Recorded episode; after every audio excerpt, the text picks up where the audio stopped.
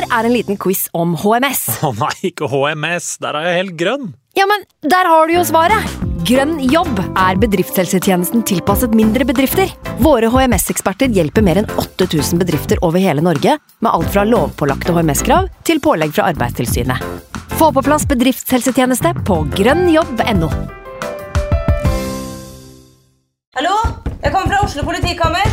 Ine Jansen er purk. Er du purk? The motherfucking bitch. Alt jeg vil, er å finne ut hva som skjedde med mannen min. Jon Carew. Er jeg sikta for noe? Iben Akeli. Det er du. Ole So, Lars Berrum og Big Daddy Karsten. Hvem sin side er du på, egentlig? Anette Hoff, Tone Danielsen, Kommer du fra Afrika? Jørnis Josef, Nesten. Kløfta. Trond Espen Seim, Det er synd å si det, men det var feil mann som døde. Purk. Premiere tirsdag på TV2 Play.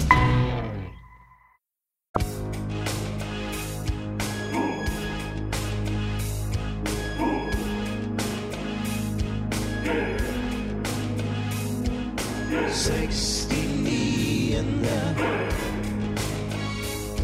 69. Den 69.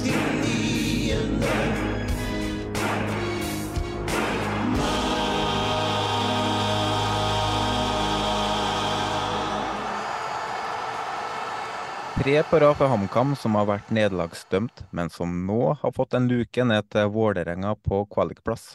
Og nettopp Enga har fått kjent på motbakkeeffekten når to kritiske vareøyeblikk gikk mot dem.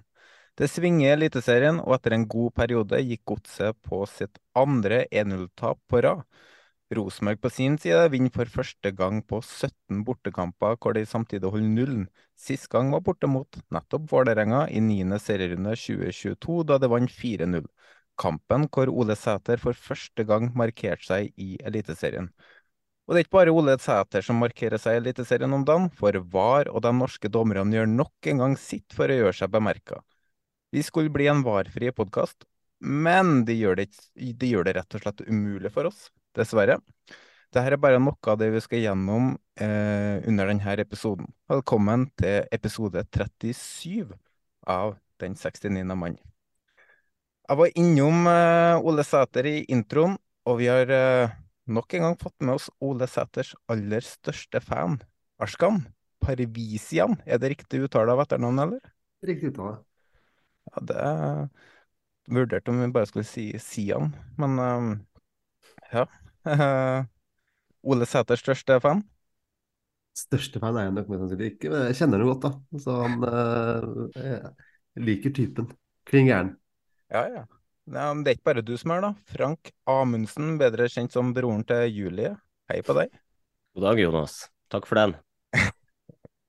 Eh, jeg sitter nå i en bil nå utenfor hytta vår i Sverige med fullt podkastutstyr, et mikrofonstativ jeg ikke fikk satt opp, og hele pakka. jeg føler meg ekstremt dedikert her, i motsetning til noen andre.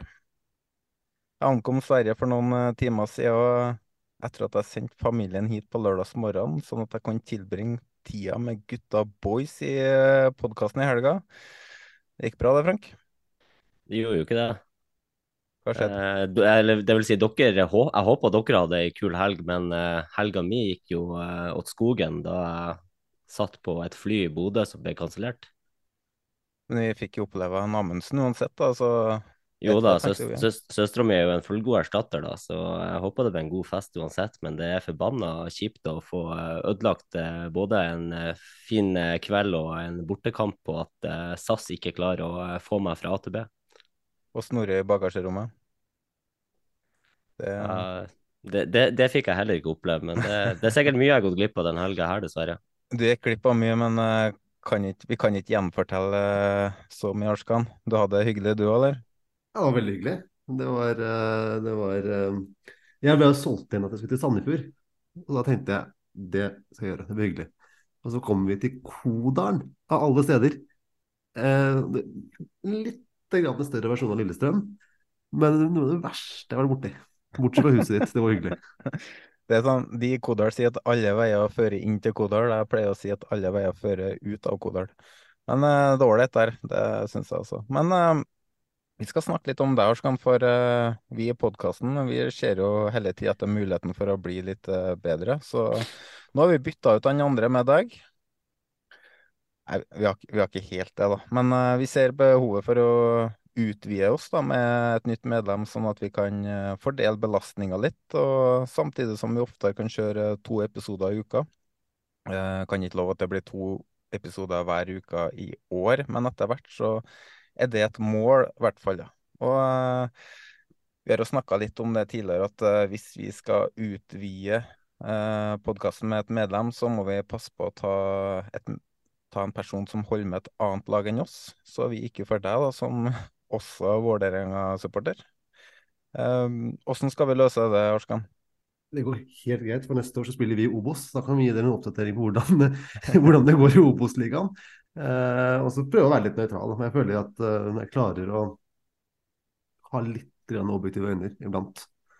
Uh, og det ikke blir for mye Vålerenga i poden. Selv om veldig mange hadde satt pris på det.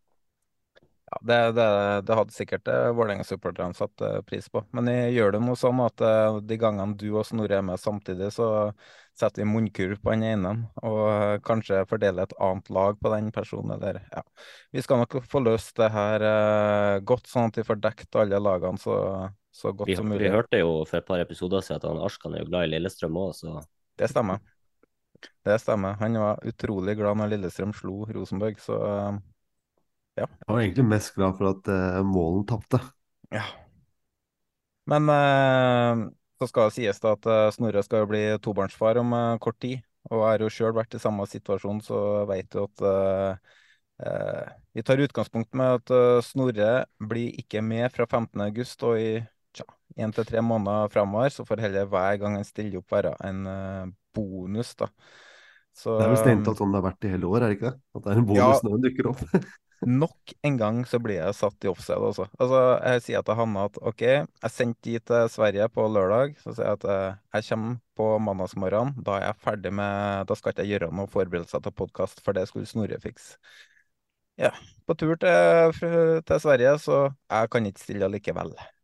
Fikk jeg melding. Så da, så fort jeg kom hit, så Nei, du, den tida jeg skulle tilbringe med barna mine, jeg kan ikke gjøre det likevel. Fordi jeg må forberede podkasten i kveld, fordi ja, Snorre, um, du vet.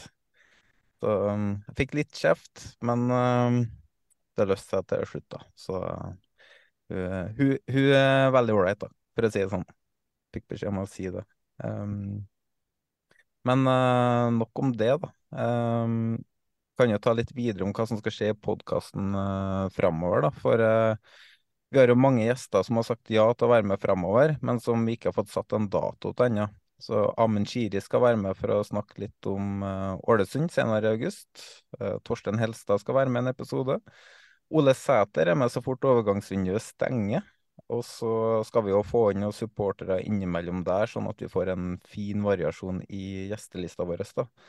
Og så på fredagen, eh, Frank, da skal vi ha en ny innspilling uten ja, vi må kjøre, Mm. Vi må jo kjøre på en litt sånn spesialepisode nå som Europa starter.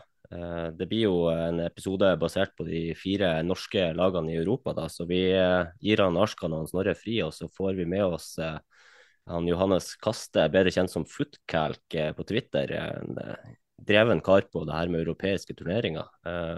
Han skal være med oss og snakke om europaturneringa og de norske lagene og veien videre. Eh, vi får med oss han Trond Strande og Erik Mæland fra Molde. Eh, og så kommer også Sean Røskeland fra bataljonen og representerer Brann. Og så har vi jo også vært inne på tanken om kanskje ta med en Rosenborg-supporter, så du får lov til å ta rollen som programleder da òg. Mm, altså, greit å Når vi skal ha en sånn episode at vi får inn noen nye Rosenborg-stemmer, så kan jeg heller eh, sitte her og ikke ha noen meninger. Um, det, det, har du jo aldri uansett. Nei, jeg har jo ikke det. Jeg, jeg stjeler meningene til noen andre, og så formidler jeg etter beste evne. Uh, men uh, uh, vi har hatt en konkurranse på Twitter i dag, vi. For vi meldte jo tidlig at Snorre blir ikke med i dag. Og det var jo en litt spesiell årsak til at han ikke kunne være med. Så vi lot våre lyttere ja, ga det en konkurranse, da. der vinneren får valgfri T-skjorte fra oss, um, hvor de skal gjette uh, hvorfor Snorre ikke er med på kveldens episode. Og den personen som er nærmest, får da premie.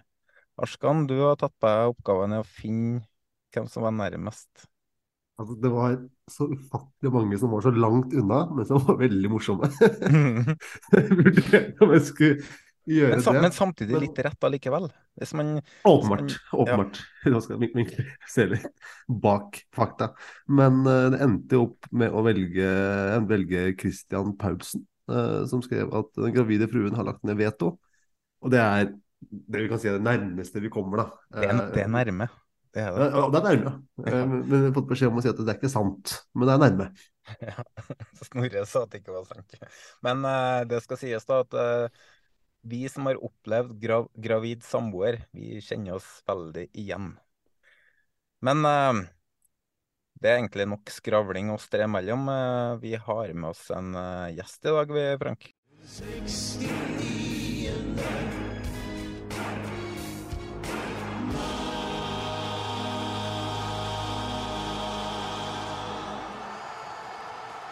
Og dagens gjest er å regne som en ekte Glimt-legende. I 2001 kom han inn som en rakett på venstrevingen til Bodø-Glimt, og så seg aldri tilbake. Faktisk ble det hele 426 kamper i norsk toppfotball, om vi teller med de 43 kampene han hadde for moderklubben Lyngen. 117 mål ble det også på disse kampene, fordelt i klubber som Bodø-Glimt, Lillestrøm, Rosenborg, Viking og Sogndal. Kjent for ei sinnssyk eh, fart, en konstant bakromstrussel, livsfarlig på kontring og skuddfot som en hest, var det nok mange som ble skuffa da han la skoen på hylla vinteren 2019. Men en liten pandemi senere så var snøra på seg skoene igjen, og en nå spillende trener for Værøy, hvor han banka inn mål i lokalfotballen i Bodø. Hjertelig velkommen til oss i den 69. mann, legende og Glimt-ekspert Trond Olsen. Tusen hjertelig for det. Det var en uh, fin intro. og ja, Det var vel ikke alt jeg hadde kontroll på sjøl der, men uh, ja, det var hyggelig.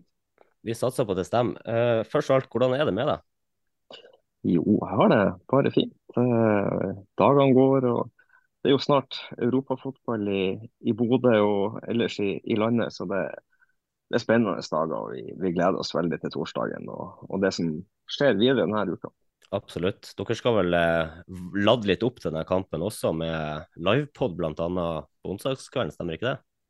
Ja, da skal vi ha en uh, livepod på, på Sportsbaren i, i Bodø. Uh, får litt gjester der. Eh, Åsmund Bjørkan stiller bl.a. Og regner med han har ganske god eh, info om Bohemians. Så dem som kommer dit, kan, kan nok regne med å få en god, god oppdatering på, på hva som møter Glimt.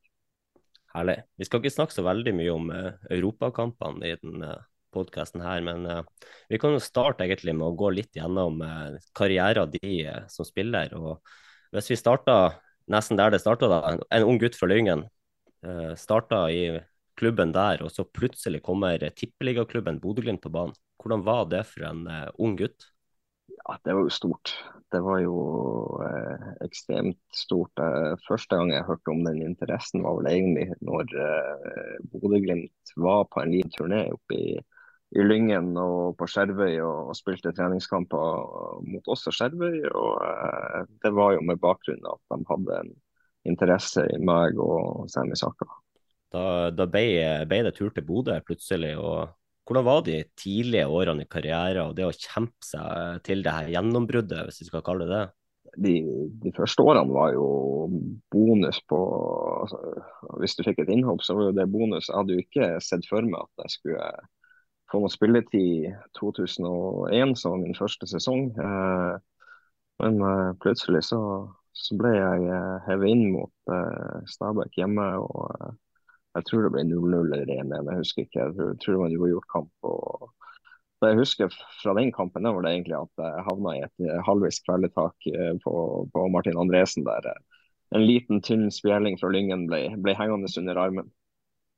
Ja, han er på slangelista, bare så du vet det. Han er Martin Andresen, så hører vel hjemme der. Uh, med unntak av et lite opphold i Lillestrøm, så ble det jo mange fine år i Bodø-Glimt uh, i starten av karrieren. Du markerte deg etter hvert som en av Eliteseriens giftigste kantspillere. Ikke nok, at, uh, ikke nok med at det resulterer i at du får en landskamp for Norge, men også Norges største klubb kommer etter hvert på banen, Rosenborg. Summen er da på pene ti millioner. tar man inflasjon til dagens eliteserie, så hadde du slått både Botheim, Mbuka og Vettlesen på salget. Før vi snakka om Rosenborg, da, hvordan var det å endelig få en kamp med flagget på brystet? Du hadde jo landskamper for de fleste ungdomslag, hadde du ikke det?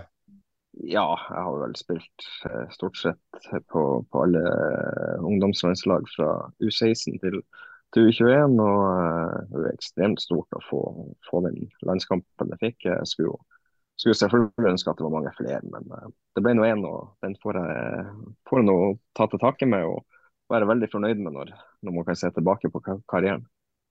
Det var Ukraina i 2008, eller? Ja, det er helt korrekt.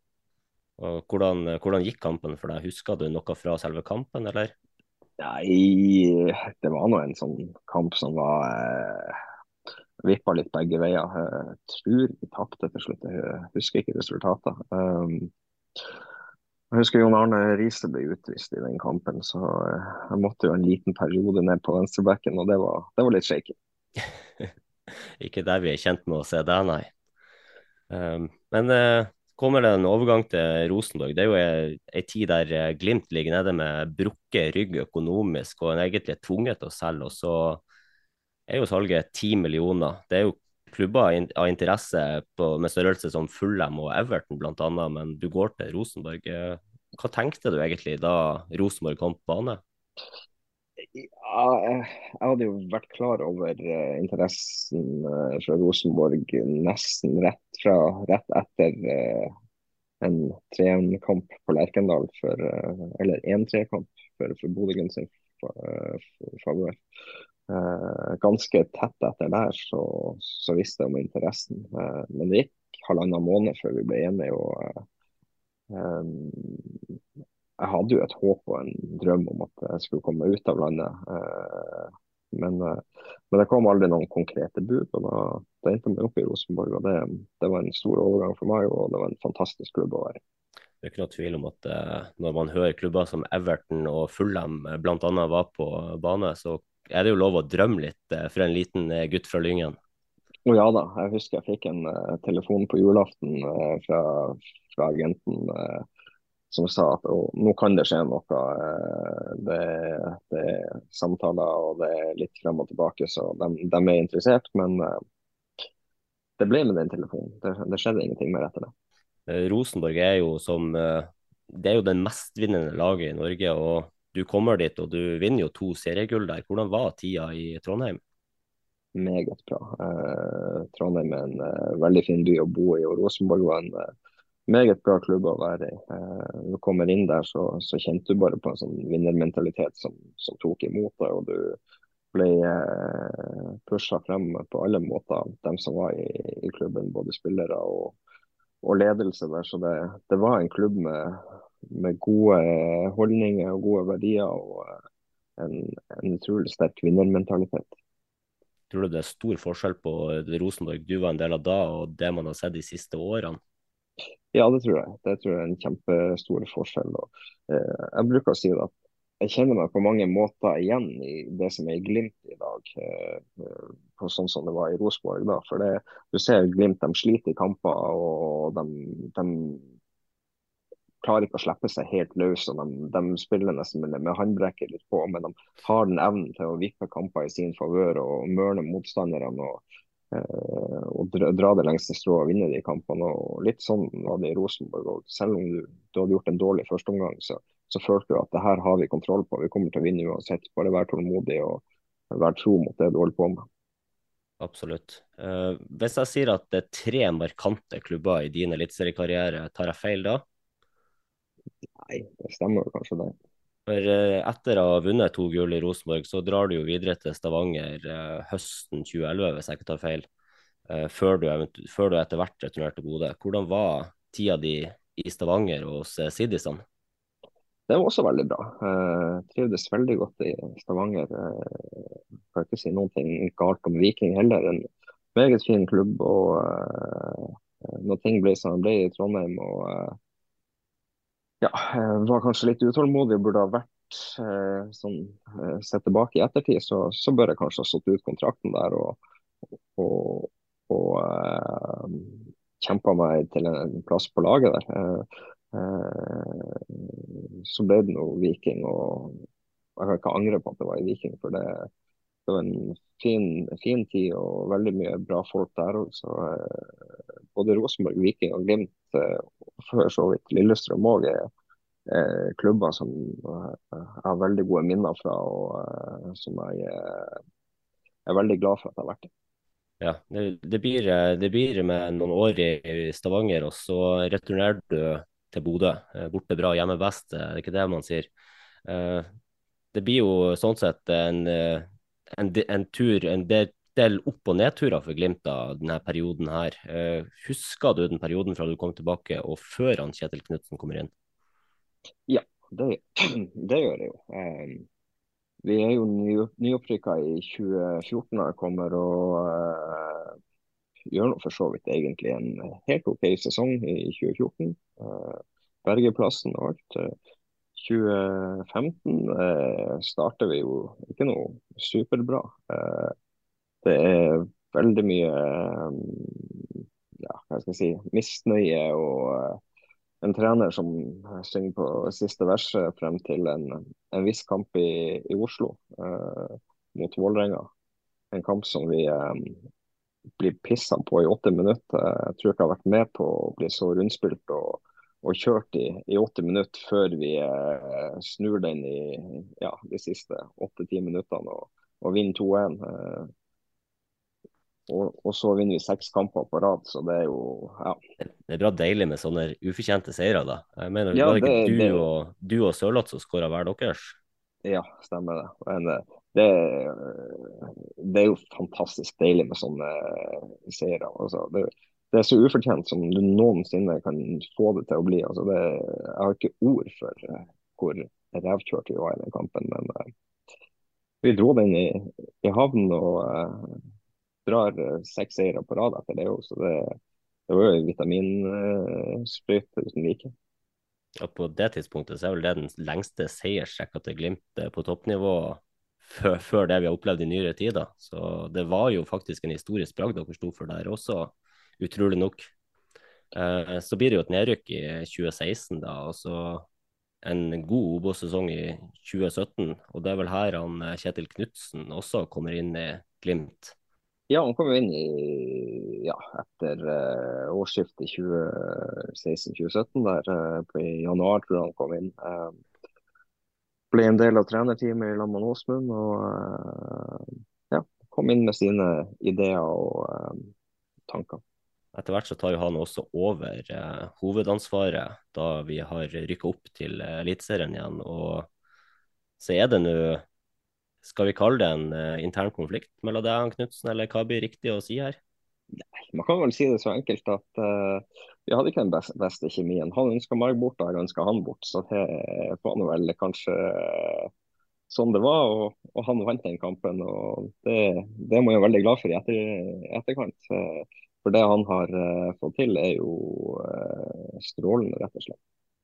Men uh, hvis, man, hvis, du ser tilbake på det, er det ting uh, som både du og han kunne gjort annerledes for at det hadde løst seg litt bedre? Det var jo en prosess der som jeg følte at mange i Bodø stussa på, egentlig. Ja, men uh, altså for meg var det jo greit. Jeg hadde jo hatt et møte med klubben og, og Kjetil og, og, egentlig fått beskjed om at jeg ikke kom til å bli, få noen nye kontrakter i, i klubben, og det var helt, helt i orden. altså det det var klubben sin uh, fulle rett til å, å, velge den veien de ville gå. ikke ha meg med videre. Det, det, har jeg full forståelse for. Uh, det jeg ikke hadde så forståelse for, det var det som skjedde en måned etterpå. Uh, der jeg ja, bare får beskjed om at jeg ikke er aktuell for noen kamper resten av året. og da gikk rullegardinen litt ned.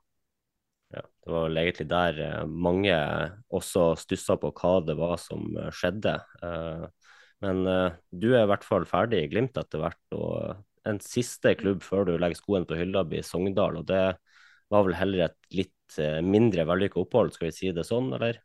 Ja, det var Det funka ikke for min del, og det funka dessverre ikke for Sogndal sin del heller. så det det var egentlig veldig kjipt for begge parter at det ble sånn det ble. Uh, jeg kom dit og uh, fikk vært med litt i, starten. og så pådro jeg meg en strekkskade som alle ble kvitt. og uh, Når vi ikke rykka opp, så ville Sogndal gå videre og, og ikke ha bl.a. meg med videre. Og Da ble vi enige til slutt om at vi vi går hver vår vei. Og så ble det nå for min del uh, egentlig den siste kampen uh, på toppnivå der på høsten 2018. og det er jeg litt bitter for at det ble på den måten. Jeg skulle gjerne fått, fått avslutta karrieren min på, på, um, på, en måte som jeg fikk tatt et valg der jeg sa at OK, nok er nok, og nå kan jeg gi meg. Uh, det ble det dessverre ikke for min del. og Sånn skjer, skjer iblant. så det, det, er ikke så fryktelig mye man kan få gjort med det. Um, en skade kommer ikke alltid like greit, så det, det var noe sånn det ble. Du følte at du fortsatt hadde noe å bidra med for uh et lag enten i Obos-ligaen eller Eliteserien. Og så var det rett og slett bare ikke de rette klubbene som kom på bane, og i forhold til skade At du var skadet med plager, eller? Ja, jeg, eh, jeg prøvde meg jo uh, å, å, finne meg en klubb på, på våren 20, 2019. Uh, men uh, jeg fikk ikke napp noen plass. Jeg var og trente litt med Tromsø og hadde jo et håp om at jeg kunne få, få, en kontrakt der, eh, en korttidskontrakt der i hvert fall, og, og, og i hvert fall få bevist at jeg har noe å bidra med. Men dessverre så, så, ble det ikke sånn. Du vet at Glimt-hjertet mitt er glad for at du ikke kledde på deg den drakta der? Jo da, men uh, de, man må tenke på seg sjøl. Og Eh, for min del hadde det vært veldig artig å få noen kamper for, for, Tromsø og eventuelt slått Tromsø på en 16. mai-kamp. Nei, slått Glimt på en 16. mai-kamp. Det hadde vært en litt sånn in your face. Vi snakker ikke mer om det. Eh, Nå er du jo da eh, Tittelen er vel Glimt-ekspert i eh, avisa Nordlands Studio Glimt-podkast. Eh, du er spillende trener i lokale femtedivisjon for eh, Værøy. og fant tilbake kjærligheten langt ute i havgapet, var en tittel TV 2 hadde i en reportasje om det for noen måneder siden. Eh, fortell lytterne våre eh, eh, hva er Værøy, hvor er Værøy? Ja, Værøy er jo ei, ei øy ytterst i Lofoten, men ja, skal vi på hjemmekamp, så er det fort seks timer med, med ferga ut dit. Er vi heldige, så, så, går det til helikopter, og da tar det 25 minutter. Ja, nå på sommeren så, så, bruker vi å få, få oss en sjøtaxi, som vi kaller det, en, en båt. Da, og da går det et par timer én vei. Så det, er, det, er, godt stykke ute i havet. Eh, en fantastisk øy. Eh, en øy som bør oppleves for alle som uh, som er glad i hav og fjell og det. For det, det, det, er vakkert der ute. På en god sommerdag så er det vakkert. Men uh, fotballen òg uh, har vært vakker der ute i år. Vi har spilt åtte kamper så langt og åtte seire. og ja, Tenk å nevne hvor det gikk mot oss. Det, det, er faktisk, det, det, er faktisk eneste gangen jeg har sett deg med T-skjorte på. det, der er så peak Nord-Norge, da. Seks timer på hjemmekamp og helikopter og båt og fjell og sjø. Og det, det, det, er det jeg forbinder med Nord-Norge. Det er lange turer til bortekamper for lag i lavere divisjoner. Ja, men det, det, er dedikasjon for de som, som er med på å, å spille der. Og ja, eh, det, det, er gutter som bruker mye av fritida si på, på å spille fotball. Og så er det, er det en meget gjestfri øy som er veldig glad for å motta både hjemmelaget, men vel så, så mye bortelaget. Eh, for vår del så er det når vi kommer ut der, så, så er det som å være en eliteserieklubb. Matene står klar. Eh, de har lagt alt til rette for oss for at vi skal kunne levere en god kamp. Så de, de er veldig flinke. De trener stort sett også i Bodø, så ja, det gjør vi jo. Treningsgruppa vår er jo primært i Bodø. Og så er det jo eh, ja, en fem-seks pluss en del unggutter eh, som, som, har en treningsgruppe der ute. Så eh, primært så trener vi i Bodø. Det som, litt, eh, det som, er så fint med de her lavere divisjonene, og det er sikkert litt sånn overalt i landet Vi har bl.a. hatt Jonas Grønner som gjest her, eh, som han snakka om det her, at han spiller jo i lavere divisjon bare for å spille litt. Eh, det er jo det at eh, man får litt sånn spillere som kanskje har eh, trappa litt ned og fortsatt bare Det er kjærligheten til fotball som gjør at man fortsatt vil spille det. Og så I tillegg så har jo du påtatt deg den rollen som vi skal kalle spillende trener nå, da. Så spørsmålet er jo egentlig er det en, kun en trenerromanse nå, eller kan det hende at vi ser en Trond Olsen på sidelinja på et høyere nivå i en eller annen rolle etter hvert? Det har jeg faktisk ikke tenkt så mye på. Eh, det, han treneren vi hadde i fjor, han, han ga seg. Så eh, ble nå vel egentlig bare pålassa den her eh, trenerrollen. Så de, var liksom bare å, å dytte den over på meg, og da klarte jeg, jeg ikke å si nei. Jeg er veldig glad for at jeg Runar Melle Måg med meg, så jeg har en eh, som kan ta seg ut av alt det praktiske og uh, gjøre papirarbeidet og, og, hjelpe meg på det, på det praktiske der. Så vi har et godt samarbeid, og det, det funker veldig bra for oss vet han, han Jonas er jo hjelpetrener i andre- og fjerdedivisjon, så du må bare ta en telefon til han hvis du trenger noen tips. Eller han trenger noen tips på hvordan man går ubeseira gjennom sesongen. sesong. Trenger, trenger masse tips. Altså, Jeg orker ikke å diskutere om folk tar hverandre opp i ræva eller hva det er for noe sånt.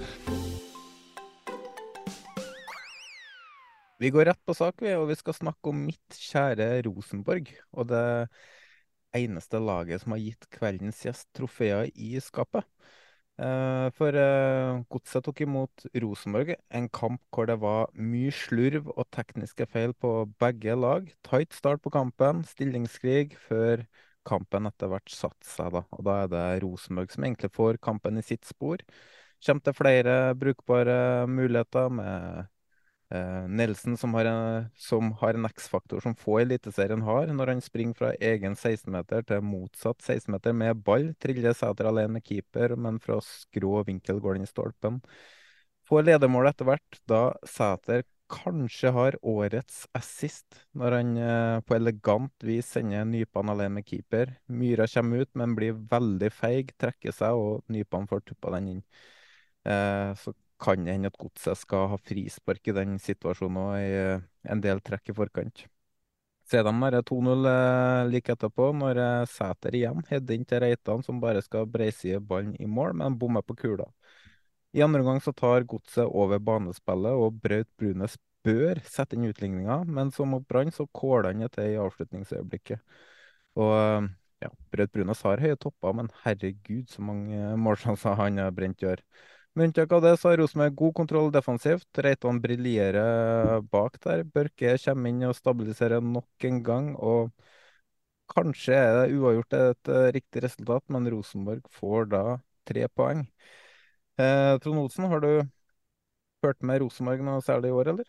Ja, jeg har jo fått med meg en del, og um, jeg syns jo det er um, Det er litt trist at Rosenborg skal, skal være der de er. Uh, jeg tenker at det er viktig for, for norsk toppfotball at du har de, de, beste og mest stabile klubbene i toppen. og Da, da tenker jeg at uh, lag som Rosenborg, Vålerenga, Lillestrøm, Viking, Brann de bør uh, være i toppen. Og så er det litt sånn outsidere, sånn som Bodø-Glimt, som, som har kommet dit nå og jobbe seg opp. og De fortjener å være i toppen, og de kommer til å være i toppen i mange år. men det er viktig at det er mange tighte og jevne og tøffe kamper for utviklinga av serien. Frank, du så jo Rosenborg-kampen. Uh, nå har jo Rosenborg vært gjennom et trenerskifte, omlegging fra femmer bak til uh, firer, og mer kjente 4-3-3 for uh, trøndere. Hva, hva beit du merke i under den kampen? Det jeg biter meg merke i, er først og fremst at det ser ut som Rosenborg har en plan bak spillet sitt nå for uh, slutten av Rekdal sin periode. så altså, De fikk noen resultater her og der, men veldig ofte så var det tilfeldigheter som skapte sjanser. Det kan være en lang ball opp på en spiss som bare heldig klarte å få den videre en eller annen plass, eller så ble det plukka opp. Det ser mer planfullt ut nå, rett og slett. Det ser ut som at Malen har klart å drille det 4-3-3-systemet litt tilbake. Og så er det et par spillere jeg ser at for at mange stiller seg spørsmålstegn med det at er troppen til Rosenborg et 4-3-3-tropp lenger? Enn det tror jeg egentlig at uh, litt grann drilling på enkeltspillere, så er det jo egentlig det. Så får de inn en uh, ny høyrekant nå fra Danmark, som har vanvittig gode tall fra nivå to i Danmark. da, Litt samme som Tengstedt, toppskårer i fjor. Uh, kommer inn på høyrekanten, som da vil flytte han holde seg ned på den plassen han vil spille, nemlig indreløper. Så det kan jo gjøre litt uh, uh, forskjell for Rosenborg òg. Det er klart, klart det kan det, eh, men det blir jo sånn å treffe på en ny Tengstedt, det det er som å treffe nåla i høystaken. akkurat Ikke, det. ikke Tengstedt, Så- men det holder jo med at han er en uh, høyre høyrekant som kan rollen sin og, og bygge videre på det han sjøl har gjort i, på nivå to i Danmark, så skal det jo være en uh, forsterkning, på, hvis, hvis du skjønner hva jeg mener. For de har jo ikke kantspillere akkurat nå på, på høyresida. Nei, beste kantspilleren til Rosenborg har de jo sendt på lån til KBK av en eller annen grunn, så ja. Ja, nå er ikke broren kant heller, men han kunne jo ha gjort sånn at han eh, holdt seg kunne ha spilt indreløper, da. Men eh, jeg syns jo det at eh, det Rosenborg-laget her ser bedre ut enn det jeg hadde trodd. da. Jeg så for meg at det her skulle gå litt lengre tid med den omlegginga. Eh, så de, de, de er litt lengre fram. Offensivt så ser det bedre og bedre ut fra kamp til kamp. De sliter litt med å styre kamper, spesielt gjennom 90 minutter, men, eh, men fortsatt der har de tatt steg. Og så er det jo solid defensivt, da. Det var det jeg frykta mest, egentlig. Så førsteelveren til Rosenborg er jo egentlig mye bedre enn hva folk tror, mener jeg. Og så er de veldig avhengig av å unngå skader på stopperplass spesielt, da. Eh, de har eh, midtbanespillere, men eh, de vil jo slite hvis de får skader på kant, f.eks. Nå måtte de jo spille med Pereira som venstrekant i andre omgangen. Det er jo ikke ideelt, akkurat. Og så kommer jo um, Noah Holm tilbake, og han ser jo mer fit ut enn noen gang. Men Ole Sæter, Arskan. Er du imponert? Ja, jeg syns altså, Jeg så jo ikke kampen, jeg har sett uh, høydepunktene. Når kampen spilte, så passet jeg på Snorre uh, under hans første nap på vei tilbake Bra til. Oslo. Bra Takk. jobba. Ja, takk. Eh, Men uh, at det fins folk i Rosenborg-miljøet som ikke vil at Ole Sæter skal få ny kontrakt, det fatter jeg ikke. For Rosenborg med og uten han er to vidt forskjellige lag. Du, har, du ser det på, når han, når, på laget når han er på banen, at det virker som det er høyere tempo, høyere intensitet, presset sitter, og man kommer seg til sjanser. Og den, som du sa i stad, den assisten var jo ganske fin. Bare den er verdt en ny kontrakt. Ja, Det er jo hensikt og det er en mening bak. Det er ikke bare tilfeldig. da. Eh, og så er det Han, han vinner mye i lufta. Han, han er god som oppspillspunkt. Han, eh, han har mye bedre førstetouch enn tidligere. Han kan true bakrom. Selv om han ikke er verdens raskeste, så har han muligheten til det. Men så er det er han utrolig dyktig til å posisjonere seg, da, både i oppspillsfasen og når det er innlegg inn i, fra sida. Han er alltid riktig posisjonert, da, så han er jo en prototype på en 4-3-3-spiss. Så Han er, han, han er jo en veldig bra spiller. Altså, du er ser jo for Rosenborg, for Rosenborg sin del, med og uten han, så, så er det jo veldig stor forskjell. Og det, det at han har kommet inn og blitt eh, skadefri og, og, og aktuell for, for den elveren, det har ekstremt mye å si for Rosenborg.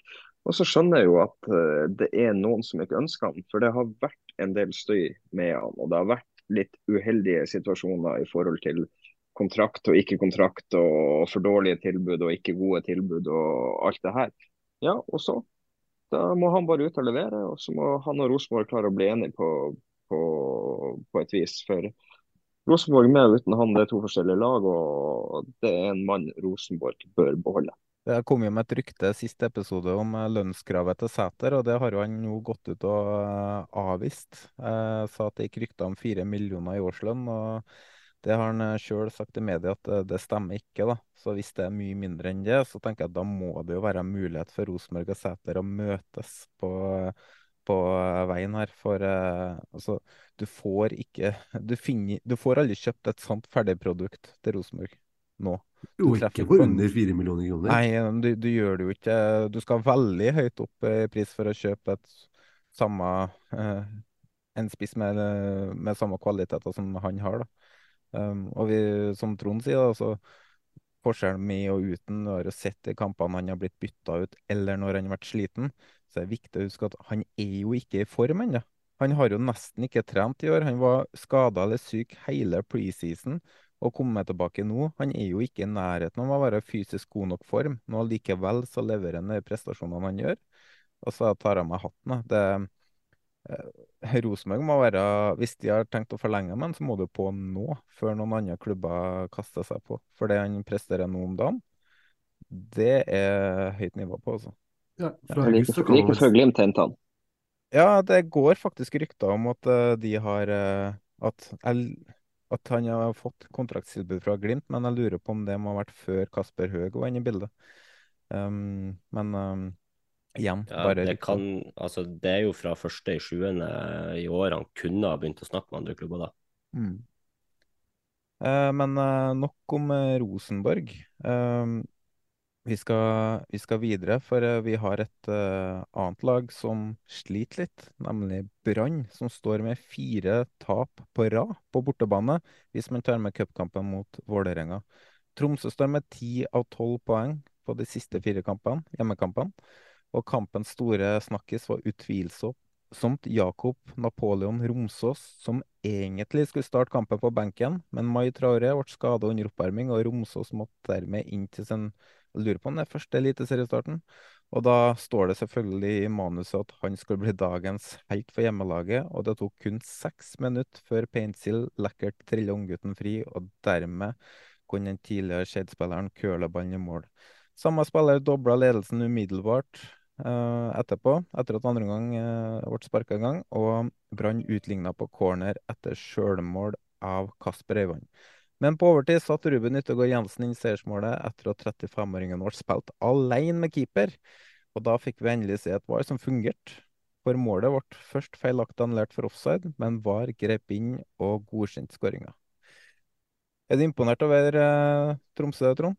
Ja, jeg er veldig imponert over Tromsø. og Det er, det er grunnspillet deres og måten de tør å, å spille seg ut bakfra. og De er veldig trygge og tro mot det de holder på med. Eh, det er et, eh, det er et lag som har tatt steg for steg og har utvikla seg i fred og ro. og Nå syns jeg de begynner å se skikkelig bra ut. Arskan, du kosa deg litt tidligere i uka når Helstrup signerte ny kontrakt. Og det var deilig. Det var noe fullstendig meltdown på Romerike. Det var fantastisk. For de var jo sikre på at eh, Helstrup skulle til Lillestrøm? Jeg skal ikke bruke veldig mye mer tid, jeg føler jeg har snakket mye om det siste uken. Men det, når du har en styreleder i klubben din som går ut på TV 2 og sier at jo, han passer perfekt inn i strategien vår, og eh, han, han, er en profil vi skal ha, det er ikke måte på. Da, da antar jo da får jeg da, at kontrakten er sendt til eh, Tromsø. Den signeres i løpet av helgen. Han er en veldig bra fotballtrener. Ja, ja, ikke sant. Eh, og så kommer våkner vi opp til en ny kontrakt til Helstrup. Da. Det, det, er helt perfekt. Og nå, sånn som jeg har skjønt og det jeg har hørt, det virker som at Simon Mesvin skal være trener en liten stund til. Uh, for de har gått all in for, uh, for Helstrup. Og det virker som, sånn som jeg tolker det jeg hører, at de kanskje ikke hadde en plan B. Får vi se, da. Plutselig, plutselig dukker noe opp. Men hvis de ender opp med å ha sportssjefen sin som trener ut året, så er jeg spent på hvordan, hvordan det kommer til å gå med dem. Eh, Frank, Tromsø minner kanskje litt om Glimt, eller? For uh, alle som drar til Tromsø, de uh, blir jo den beste utgaven, utgaven av seg sjøl. Alle blir jo bedre fotballspillere, virker som, og det virker som de får ut maks ut av potensialet, de som er der. Ja, jeg er ikke uenig. Eh, du kan sikkert på mange måter sammenligne Kjetil Knutsen og Gaute Helstrup eh, i form av det at de har tydelige spillestiler de ønsker å spille. De har et godt grunnspill, og de eh, bygger et lag med å sette spillere inn i roller de skal løse. da. Sånn Hvis jeg sammenligner med Glimt, så er det jo det at når, når en spiller ryker ut med skade eller blir solgt eller uansett grunn til at han er utilgjengelig, så settes det jo inn en erstatter som gjør jobben like godt. Og det kjenner man igjen i det man ser i Tromsø nå. da. De eh, sender ut han Mikkelsen, Kitolano og eh, og han trenger hjelp siste de sendte til Frankrike etter fjoråret. ja, de selger i hvert fall tre av sine beste spillere etter fjorårssesongen. Erstatta dem med unggutter som nå har eh, egentlig overraskende kjapt eh, glidd inn i laget og eh, egentlig tatt dem til nye høyder, kan man si. Uh, jeg har jo skrøta av bl.a. Erlien tidligere, og nå ser man jo at Romsås kommer inn til første start i Eliteserien, og så leverer han to mål. Det ingen tvil om at det, det bygges eh, rett og slett eh, spillere som skal passe roller der oppe der også. Så har vi jo Brann, ja.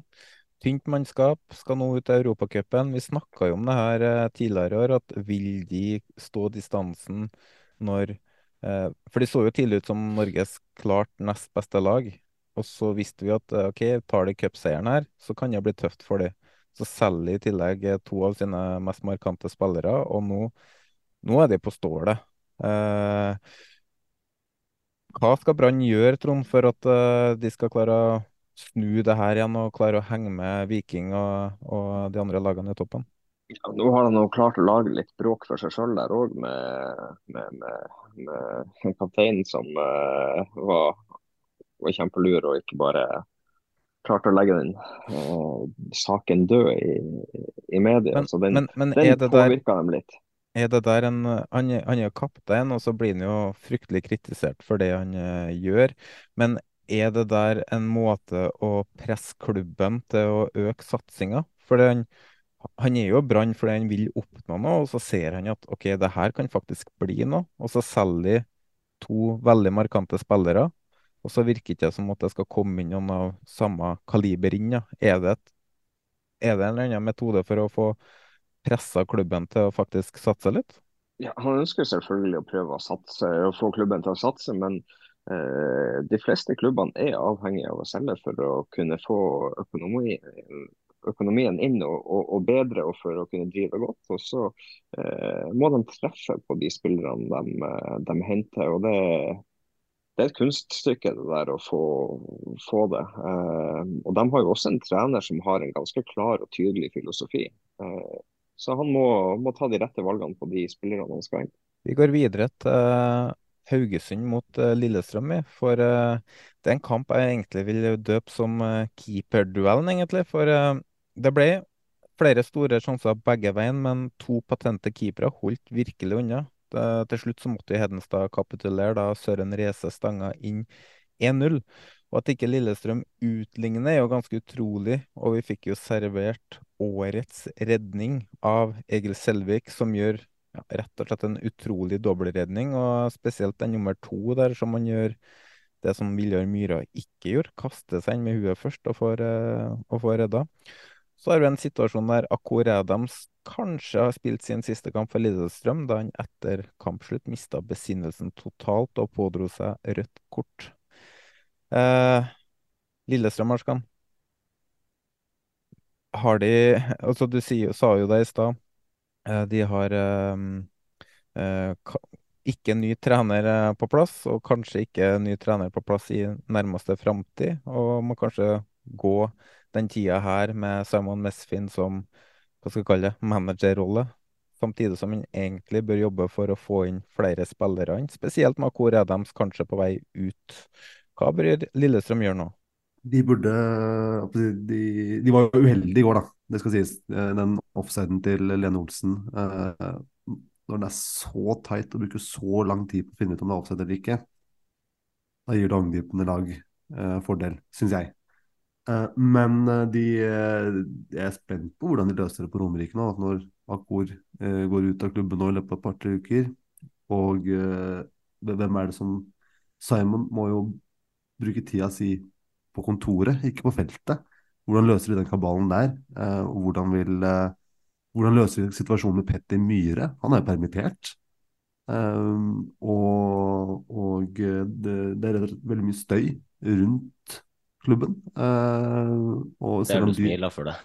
Ja, jeg må smile litt. Igjen, men eh, de, de, liker å si at det er full kontroll, og det er det, er det de ønsker, og de vil ha Bakke ut. Men vi ser jo konsekvensene av, eh, av at Bakke går ut.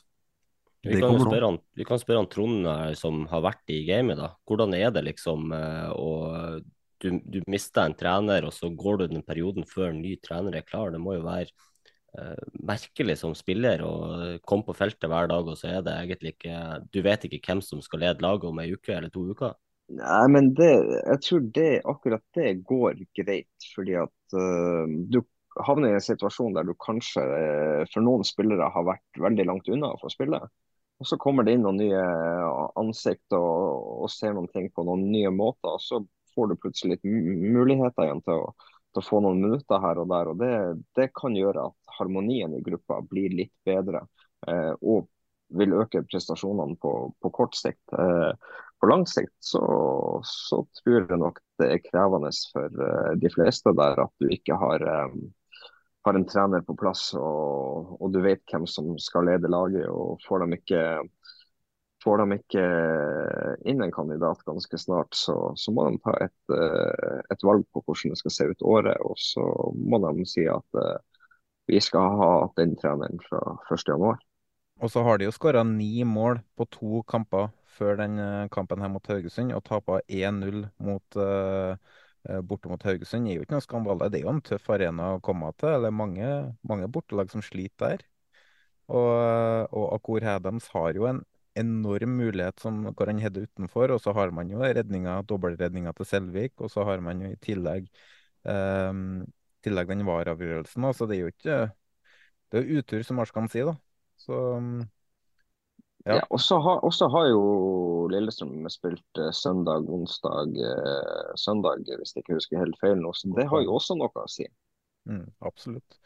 Vi kjører en overgang til neste, vi. For uh, var, var jo en VAR-hendelse som uh, Arskan vinner på med Thomas Lene Olsen, hvor uh, VAR fant en skotupp i offside og dermed annullering. Og det tar oss videre til neste eller til rundens VAR-skandale, for det er jo alltid en rundens VAR-skandale. Minst én.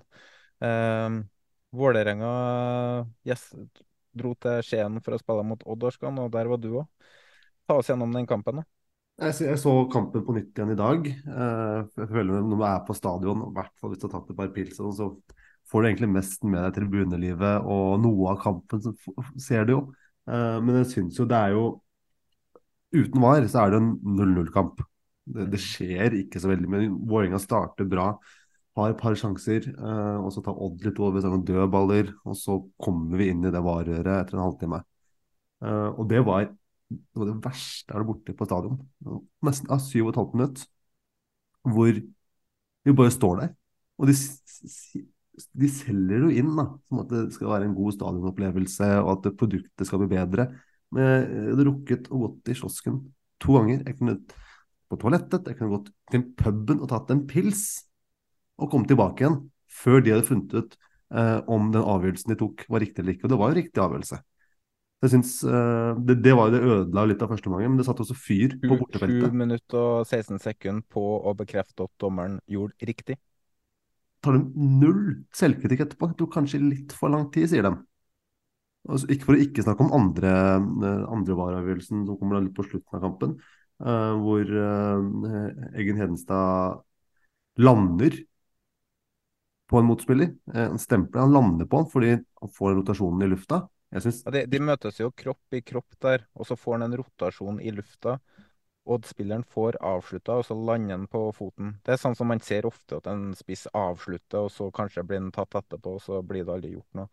Jeg nevnte jo det tidligere i dag. var et skrekkeksempel fra England med van Dijk som uh, blir høvla i kneet av en Pickford. og så Da fant jo VAR ut at nei, det er ingenting. Van Dijk var ute i åtte måneder etterpå. Altså det er jo hvis, hvis det skal blåse straffe der, da, så må det jo gjøre det i alle andre situasjoner hvor spiller får avslutta. Men det skjer jo aldri. Så... Ja, det, definitivt ikke. Og det, jeg så en diskusjon på Twitter i dag om eh, folk som skaller i hverandre òg. Det, det, tas jo heller, heller ikke i hodedueller. Eh, ja, Skarsheim i går, ja, f.eks. Mm. Uh, men jo, og så står dommeren da etter kampen og sier at Og, og fortsatt, da, etter å ha sett avgjørelsen sin, du har fått muligheten til å summe deg, lande, adrenalinet er ute av kroppen, så står de fortsatt, som de har gjort hver eneste runde, og forsvarer sine egne handlinger. Trond, når dommer ble tatt ut der for å se på skjermen. Tror, tror du han føler seg litt pressa til å endre avgjørelser, siden han får beskjed om å se på skjermen? Ja, kanskje han blir litt pressa, men uh, jeg tror at de må tørre å stole mer på seg sjøl. De må større, tørre å ta sine egne valg. Uh, og være tøff nok til å stå i stormen. Uh, jeg syns ikke det er noen situasjon å skal gi noe rødt kort på der. og det, ja, jeg syns det er altfor mange situasjoner der de eh, blir for feige. Eh, jeg ønsker jo at dommerne skal bli profesjonelle, og at de skal være dommere på heltid og, og, og uh, utvikle seg som, som, som, dommere. og Det er viktig òg for, for, norsk fotball og, at de blir profesjonelle. For da vil de mest sannsynlig komme seg ut i Europa igjen og få dømt flere kamper der og bli enda bedre. og Det er det vi trenger. Og For ikke snakke om dommerrekrutteringa, da. Øke honoraret til unge dommere, sånn at de velger å være fotballdommere eh, etter skoletid i stedet for å eh, jobbe på en butikk, f.eks. Eh, det tror jeg òg Det øker jo sjansen for at du kanskje treffer på et eh, talent. Frank? Ja da, men vi, vi, har jo veldig mange andre problemer òg i forhold til, uh, til, akkurat det med å være dommere. For det, det er ganske mange av oss andre rundt på, på fotballarenaen på lavere nivå og det som må ta et tak i seg selv i forhold til uh, den rekrutteringa av dommere og hvordan man, man opptrer for, uh, for, unge mennesker som skal opp og frem i livet, og ikke ta ifra dem all gleden før de har begynt. Jeg syns Trond også er veldig på ball. Jeg syns dommerne er blitt for feige, rett og slett. Uh, jeg tror det at hvis dommerne hadde tort å stå for avgjørelsene de tar i kamper, så hadde ikke vi Jeg syns det har vært rett og slett et nivåsvikt på dømminga i Norge etter at VAR kom. Jeg syns de blir mer sånn ja, jeg tør ikke å dømme, så jeg stoler på at VAR hjelper meg, i stedet for at de er dommere som dømmer kamper. Jeg er ikke helt enig der, for jeg syns det var ræva før VAR òg. Det var det jo, men nå er det jo enda verre. Og det skal ikke være mulig. Og Du ser i starten av sesongen med, med Henriksen-situasjonen eh, der hvor det skal være rødt kort. Mm. Det, det, kamp til kamp så veksler det når du, har, når, når du får se det i reprise. Det, det, ja, for, for å kunne si ta Henriksen, da. Det strake beinet fra han uh, han Sandefjord-spilleren uh, i trynet på han, så blir det, det blir ingenting. Det ble gult kort. Uh, og så forsvarer Hauge og andre dommere det etterpå. Og så har du en situasjon på lørdag med et brassespark som treffer huet. Da er det klink rødt. Jeg vil jo si den med Henriksen er jo langt farligere enn enn det vi fikk se på lørdag, f.eks. Så de har Da hadde det vært mye bedre da, etter den Henriksen-situasjonen om dommeren gikk ut og sa OK, vi tok en feil. Vi mangler jo en rød tråd i dømminga. Altså, ja. Det er liksom ikke noe konsekvent dømming. Det er forskjell fra uke til uke til uke. Vi vet ikke hva reglene er lenger, for at dommerne ikke vet det sjøl. Og hvor mye, også hvis de kan begynne å legge seg litt mer flat da, og si at OK, her bomma vi. Da er det jo mye lettere å akseptere det, sjøl med VAR. Så er det lettere å akseptere det i ettertid, men nå ser vi at de forsvarer egne avgjørelser, og så ble det gjort motsatt helga etterpå. Så hva er riktig, hva er feil? Altså, eh, vi blir jo kritisert på Twitter for at vi ikke kan reglene, men er det så jævla rart? Det blir jo gjort forskjellige ting hver eneste runde, og da Men eh, det var jo en ting til som skjedde på Skagerrak, eh, Arskan. For det var jo en boikott der. Åssen gikk det? Da, da, var det to ting, men jeg har en annen ting eh, jeg, jeg, eh, også må ta opp. Ta boikotten eh, først, da. Hæ?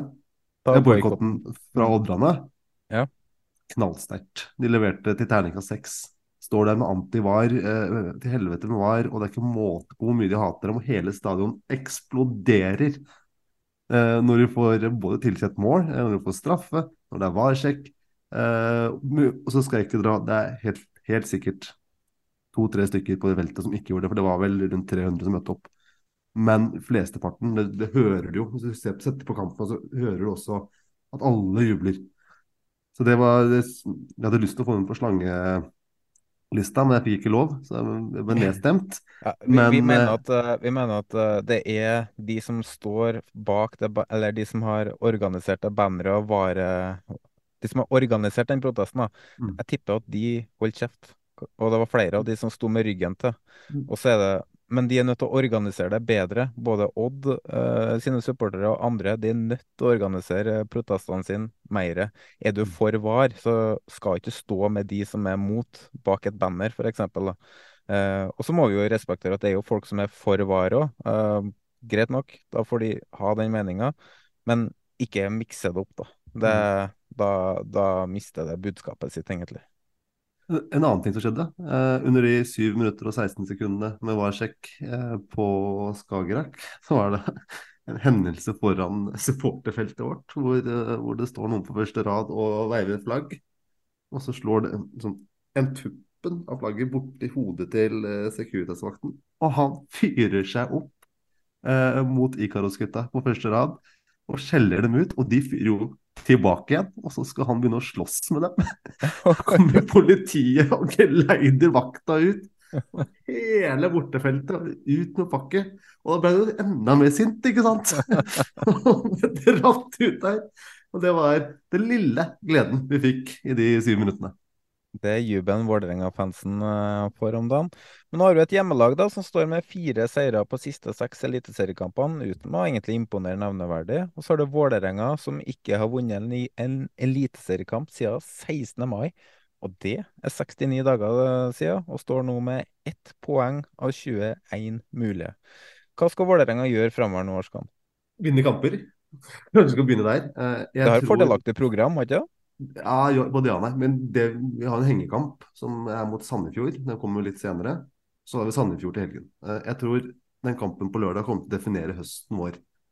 Med tap der, eh, så setter det Da har vi Godset neste, og så skal vi til Molde, og så skal vi ha Haugesund på besøk. Så det, det blir ikke enklere. Og oktoberen vår, da er det Lillestrøm, Rosenborg og Brann. Ikke sant? Så vi må begynne å ta poeng snart. Eh, og nå har HamKam klart å dra til seg noen poeng eh, på rappen. Og så, så så det jo ikke så ille ut heller. Altså, ja, det var ikke sprudlende, det var ikke fantastisk Vålerenga-fotball. Eh, men eh, man ser at det, det kan gå. Man må tette igjen bak. Nå har fått en ny stopper i dag.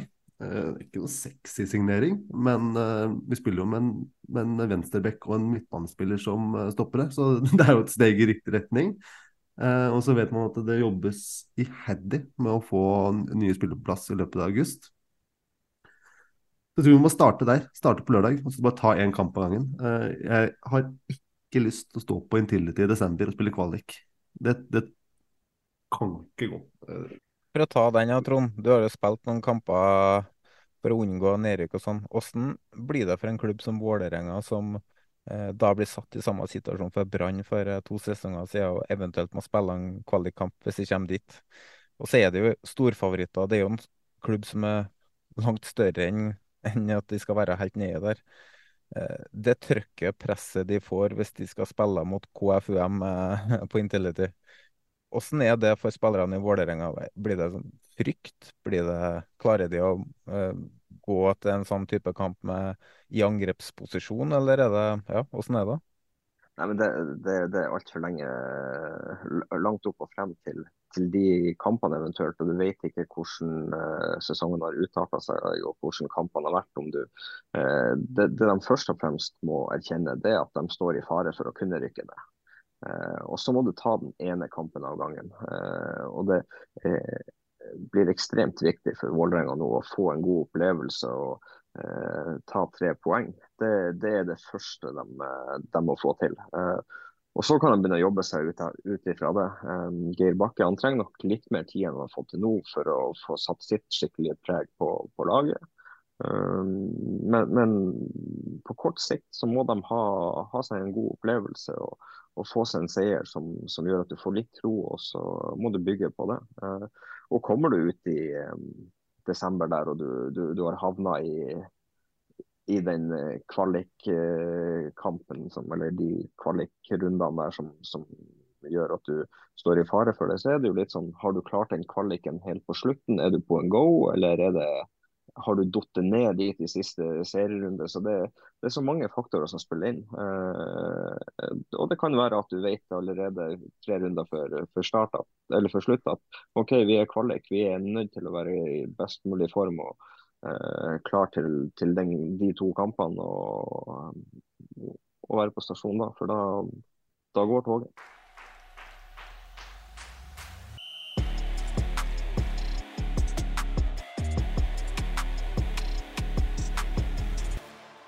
Vi går videre, vi. For uh, på lørdag så spilte Molde Sarpsborg. Og man kan jo ikke avskrive et så godt fotballag som Molde. Og selv om resultatene til tider har uteblitt, så har prestasjonene stort sett vært der gjennom hele sesongen. Og på lørdag var det Sarpsborg som fikk gjennomgå, og Molde ga seg ikke før det sto 5-1. Etter at Sarpsborg fikk Oppsett utvist etter et forsøk på brassespark. Sarpsborg står nå med fire tap på rad hvis vi teller med cupen, og hele 6-16 i målforskjell på de, siste, på de siste seks kampene. Ja, på de siste seks kampene, inkludert serie og cup, har uh, Sarpsborg uh, 08 sine kamper inneholdt i snitt seks mål per kamp.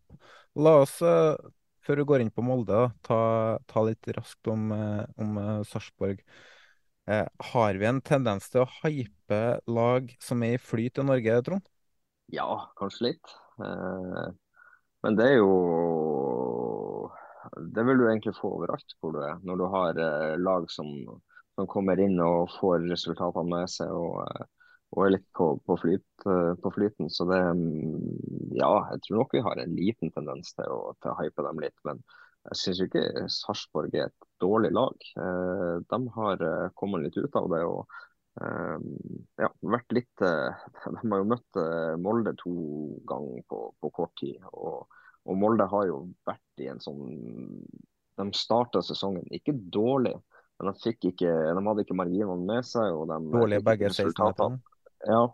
Eh, ikke skårte dem, og, og de slapp litt for, inn litt for enkle mål. Så det, det, det er klart at for Sarpsborg sin del så har pila pekt litt nedover de, de, de siste ukene. Eh, men så har du det motstanderlaget de har møtt, og de har møtt dem to ganger nå på tre kamper noe sånt, og, og fått juling begge kampene. Så det, det, er litt hvem du møter òg. Eh, så for, for Sarpsborg sin del så har de hatt et litt tøft program. Altså, men de starta jo sesongen som et ordentlig solid eh, lag defensivt, da, i motsetning til fjor, hvor de var veldig naive. Og 16 baklengs på fire kamper, det er jo ganske mye uansett eh, hvor gode lag de egentlig har spilt mot. da. Og vi var jo inne på litt tidligere at kanskje er det bare én ordentlig god spiss unna å være tett oppunder eh, Glimt, da, men nå har det jo falt helt ned til, åttendeplass.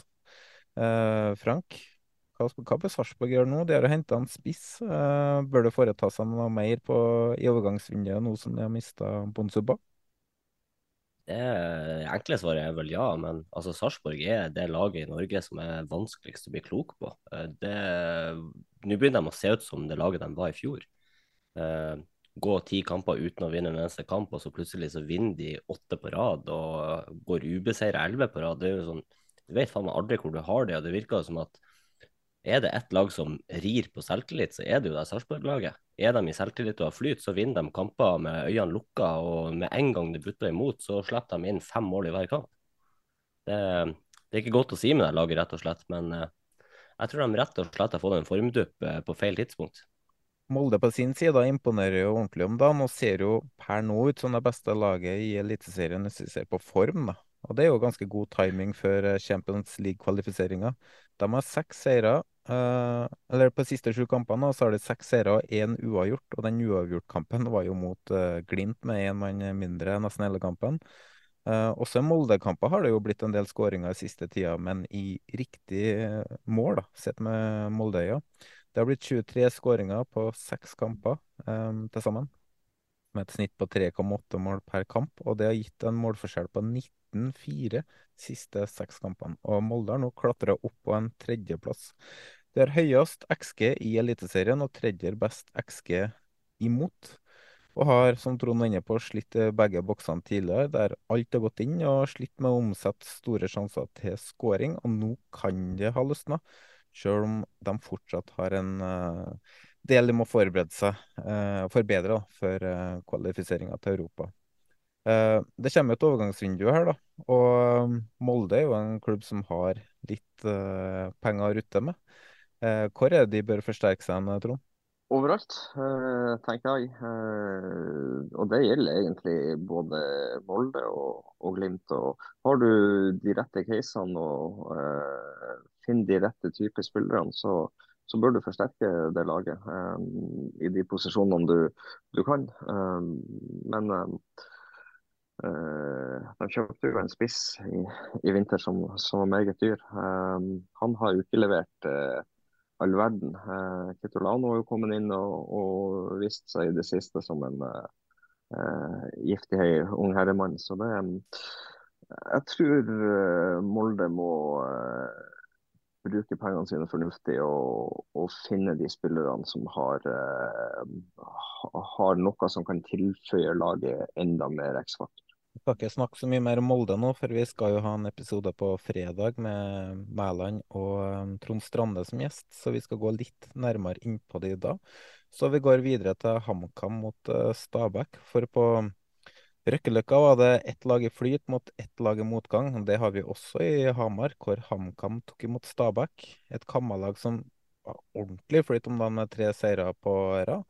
De uh, slipper fortsatt inn mål, men de har jaggu begynt å skåre òg. Og sjøl om bortelaget hadde en del bedre statistikk eh, i den kampen, så hadde hjemmelaget, hjemmelaget litt tur og vippa kampen eh, til 3-2 på overtid. Uh, og de kan jo sende en takk til sin uh, keeper Gjendal, som har blitt ny førstekeeper, og som har levert, levert nok en praktkamp i mål. Og på midtbanen fortsetter Onsrud å briljere, og er fra, for andre gang på rad med på rundens lag. Mer om det litt senere. Uh, nå har de fått en liten luke ned til Vålerenga. Frank, vi har jo egentlig dømt Kamma ned gjennom hele sesongen, vi. Men du vil vel sikkert avskrive din du nå, i kjent stil? Eh, vi har vel egentlig sett negativt på Kamma, fordi at eh, frem til og med runde tolv så lå de med hva det blir da, eh, syv poeng. Så har de vunnet tre på rad, ni poeng. Det gjør veldig mye på tabellen, rett og slett. Eh, og det er jo egentlig han eh, andre som sitter lag med oss her, som eh, skal skjelve for Det ser mørkt ut for Vålerenga i forhold til at de lagene foran egentlig har fått ei luke. Nå har jo Vålerenga en hengekamp mot nettopp Sandefjord, så den blir viktig å vinne for Vålerenga i hvert fall. Hvis ikke så stikker de lagene over ifra. Stabæk åpna sesongen friskt, og i motsetning til Nadrumatta. Um, har spilte en relativt OK kamp uh, nå. Skapt flere målsjanser, men alt de slipper blir jo til mål, sånn som i den kampen her. Bakenga sa i etterkant av kampen at det var et ran på nivå med Nokas-ranet. Og Stabæk har ikke vunnet siden de slo, som vanlig, Vålerenga 2-1 i åttende serierunde. Og de har kun tatt to av 21 poeng eh, på siste syv kampene. Nå er Stabæk eh, med like mange Eller som det ligger likt med Kamma, men med litt bedre målforskjell, på en tolvteplass. Fem poeng ned til Enga. Eh, men de har òg én kamp mer spilt i Vålerenga. Har det begynt å brenne under beina på Aalbø nå, Arskan? Ikke at han er trener, men han eh, vil jo merke det. Altså, Hårfestet hans går jo én millimeter opp for hver kamp de, hver kamp de ikke vinner. Eh, men så har jo de også fått kjørt seg i år med VAR òg, eh, det må vi ikke glemme. Det, det, er nesten hver kamp så har de blitt bortdømt. Eh, og så fikk du litt, hadde du litt tur i starten av sesongen. Ja, da, hadde jo, da hadde jo VAR i ryggen. Ja, første to-tre to, rundene der. Men så har det vært et par episoder som har vært som du hvis, hvis, man skal gjøre en studie på hvorfor man ikke skal ha First Price VAR, så bare kan man sjekke Stabæk-kamper. Uh, men jeg er spent på hvordan de, hvordan de snur dette her nå. Uh, de uh, treffer jo, møter jo HamKam, som har fått litt grann flyt og får vippa kampen i, i, sin favør. Men nå har det vært ganske mange sånne kamper hvor du kommer litt for sent, for sent i mål. de kan jo slappe av med at det er jo fire lag bak der som også er elendige. Uh, så de, Hvis de rekker å snu det, så kan det gå. Uh, men vi skal ikke avskrive Stabæk fra nedrykksstriden uh, helt ennå. For I kampen her så har Kamman XG på 0,55 mot 1,93. 9,21 i skudd. Selv om Stabæk har de største sjansene, så hadde jo ikke hadde jo ikke hatt noe sagt om det ble uavgjort her, egentlig. Og det som Bohinen sa etter kampen, alt går jo inn om dem. Um, så snakka litt med noen HamKam-supportere som sier at uh, i andre omgang så kjørte Stabæk ordentlig over HamKam. Så de har litt utur her, men sånn, det er jo litt udyktighet inni bildet òg. Mm. Det, det, er litt, litt svakt keeperspill på det, på det, siste skuddet der, syns nå jeg, da. Men, um, men nok om det. Eh, Trond, så du på Viking Ålesund i dag, eller? Ja, jeg fikk med meg litt i gang, i hvert fall. Frank, jeg så kampen? Ja, det meste, ikke alt. Nei. Jeg så ingenting, jeg vet knapt resultatet. Kan ikke du eh, ta meg gjennom kampen? da? Jo da, det var jo egentlig en kamp som var ganske jevn. Uh, Viking tar ledelsen uh, litt ut i omgangen, og så ja, det går litt frem og tilbake, og så får plutselig Ålesund en redusering like før pause. Sånn utvikler egentlig kampen seg videre òg. Det er ganske jevnt, det virker det som. Litt sjanser begge veier, og så, ja, så setter han plutselig Jeg kaller det billig straffespark til Viking, egentlig. Det ser ut som at han Salvesen gir Ålesund-spiller en dytt først, som gjør at han kommer i ubalanse, og dermed kommer armen hans opp i ansiktet på han Salvesen som går ned. Jeg er litt usikker. altså Det kom ingen uh, kommentarer og noe som helst om at det skulle varsjekkes eller noe som helst, men jeg så Twitter underveis reagerte. Så jeg har ikke rukket å se ordentlig på den i ettertid, egentlig, men jeg stussa litt på den straffeavgjørelsen der. Eh, Viking får jo da kampen inn i sitt spor, men det er Ålesund som eh, har en sluttspurt eh, like før eh, fulltid og inn i overtida. Så ser det nesten ut som Ålesund skal klare å komme tilbake og klare 2-2, men så plutselig så er kontringa med han Tripic der og 3-1 i stedet. Eh, egentlig en jevn kamp, eh, og 3-1 eh, gjenspeiler egentlig ikke kampen, men han Trond som tidligere ving vet vel hvordan det er å bare slå på kontraen plutselig og punktere? Ja, men for det første, det er aldri i verden at det er straffespark der. Jeg syns ikke det er i nærheten av å skal være et straffespark. Det er Salvesen som går i ryggen på, på forsvarsspilleren. Uh, han får en rotasjon og kommer borti um, uh, Salvesen i ansiktet med, med handa. Det skal være frispark til, til Ålesund. Uh, ferdig med den saken. at ikke Vare går inn og, og, gjør noe med den, det er, det er svakt. Mm. Men dere, dere må jo ha fått med dere den faglige vurderingen til Edvardsen, eh, jf. Eh, regel 12 eh, i Uefa eh, og den siste rap-videoen. Han har jo fått hakk i plata på Twitter i dag, eh, hvor han, det, det er klink straffe. I, i, i forbindelse ifølge Uefa. Da, og da, da, da, er vi tilbake til Jonas sa i stad. Hva er reglene? Hva er det som, som det, det, ser jo ikke ut som en straffe i det hele tatt. Det er noe som Det de, var mye, mye diskusjoner før om årene at det, nei, det er for mye skjønn når dommere dømmer. Eh, etter min mening så er det altfor lite skjønn. Også. Det, man må gå an og se Jeg har ikke sett situasjonen, men hvis han får en dytt først som gjør at armen går opp um, Høres merkelig ut for meg. Men, det, det, de dømmer på, er jo det at han får en arm i ansiktet. Og mm. isolerer du arm i ansikt, så er jo det fort straffespark. Men det er jo ikke noe skjønt til hvorfor armen er der. For at armen kommer opp dit pga. en skubb i rygg. Da er vi tilbake til Hedenstad og den stemplinga. Hvis du isolert seg ser på stillbildet av foten til Hedenstad på ankelen, så er jo det klink straffe. Mm. Men du ser jo ikke hva som leder til det. Mm. Men uh, Viking, da. Andreplass på tabellen. Ni poeng bak Glimt med én kamp mindre spilt. To poeng foran Tromsø. Er det et sølvlag vi ser her, Trond? Ja, De må i hvert fall uh, holde, holde, i gang og, og fortsette den, uh, den stimen de er inne på. De har variert litt for mye. Og når de har gjort gode prestasjoner og vært oppe der og lukta på noen ting, så har det hatt en tendens til å, gå rett utover stupet og falle nedover på tabellen. Så um, jeg er spent på om Viking klarer å uh, holde det her utover høsten. Nå har de fått inn en ny stopper på plass, og Sondre Langås fra Ranheim er klar for Viking. En spiller som også var ønska av Rosenborg. 22 år. Ifølge rapportene er han hurtig, sterk og teknisk. Um, Passer perfekt for Viking, som har Stensnes ute resten av sesongen med skade, samt at det er stor interesse for uh, Brekalo. Så har vi Ålesund helt i bånn. Tre poeng opp til Sandefjord med to kamper mer spilt. Fire poeng opp til kvalifiseringsplass, også der med to kamper mer spilt. Eh, eller én kamp, ble det vel.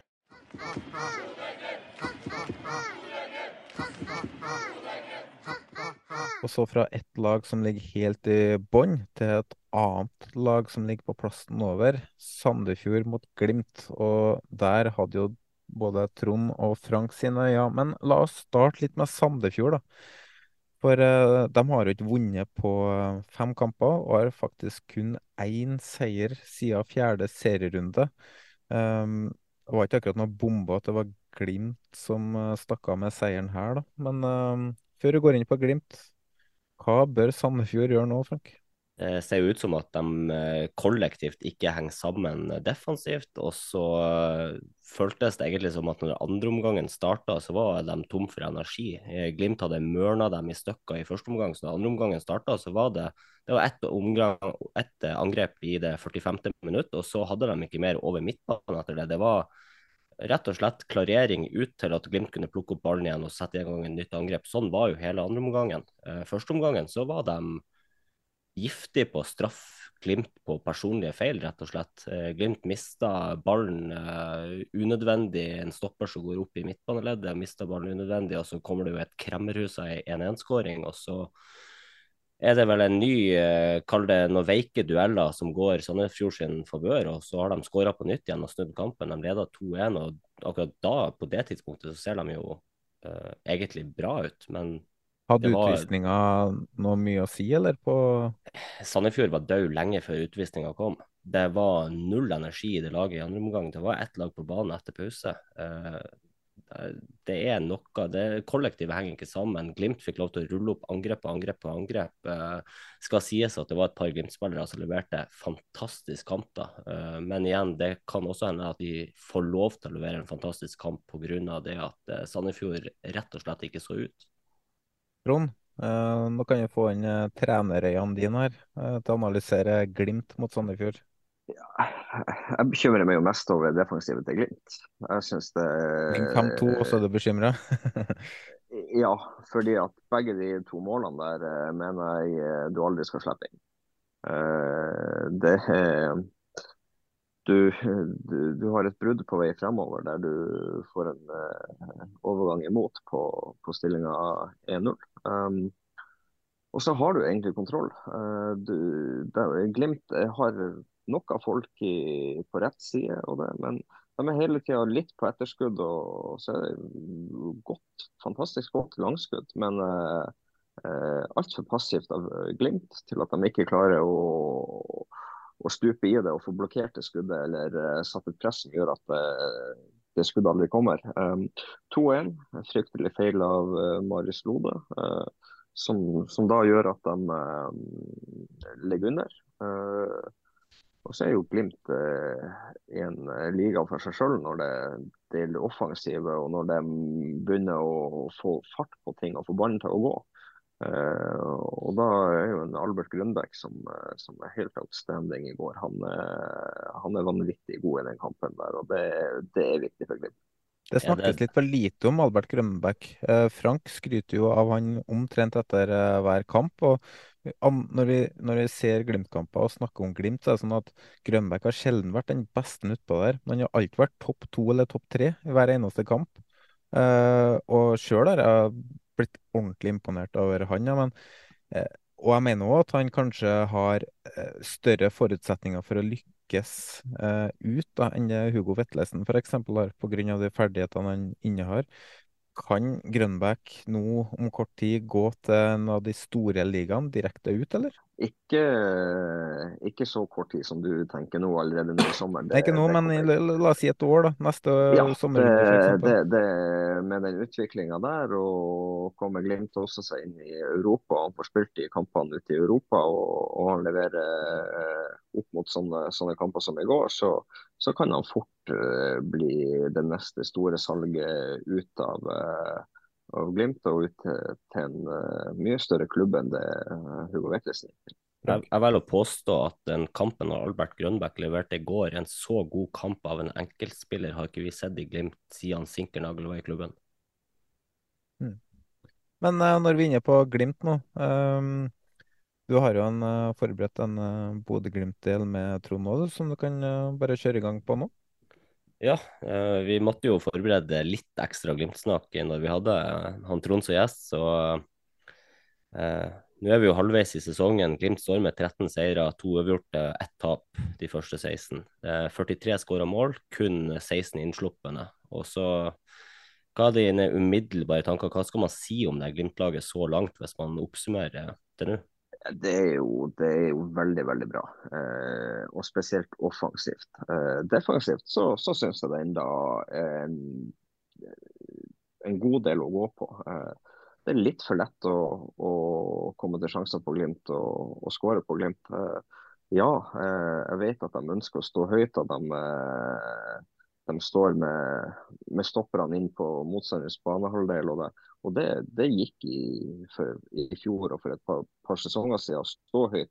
Men du har ikke den samme farta blant stopperne i dag som du hadde da. Eh, Marius Lode er litt tregere, Brede Moe er litt tregere og mye skader. Så du, du, har noen ting som, som skorter, og du er litt mer sårbar eh, defensivt enn det du har vært tidligere. Eh, så for, for Glimt sin del så, så, håper jeg det kommer inn en kanonstopper eh, hvis de skal ut i Europa og ta, ta enda nye steg. Ja, Du tok jo mye av det jeg forberedte, da, men hvis man skal si, eh, si liksom hva er det motstandere kan straffe Glimt på, så er det rett og slett stopperplass du primært vil trekke frem da, eller er det flere svakheter du ser i det Glimt-laget som vi kan bli straffa på, enten av en motstander som har en god dag, eller når vi møter bedre lag eventuelt ute i Europa? Ja, Det er jo vendingsspillet. Det, det, er alltid mye rom motsatt på Glimt. Når du eh, vinner ballen og kommer det ut motsatt på Glimt, så er det ofte mye rom. Og er motstanderen, ja, motstanderen god nok der, så, så, er det rom å utnytte på, på det. Eh, ofte så er det litt svakheter på, på legg på bakerste når du setter backene i i eh, dueller og situasjoner, så, så er de litt, eh, litt for svake der eh, i forhold til å vinne sine dueller. Ser vi på tabellen, så skulle man jo tro at det var et uh, skikkelig dominerende lag, det her. Men uh, det har jo vært kamper der Glimt har blitt uh, stående så stang litt og ting ikke har fløtet.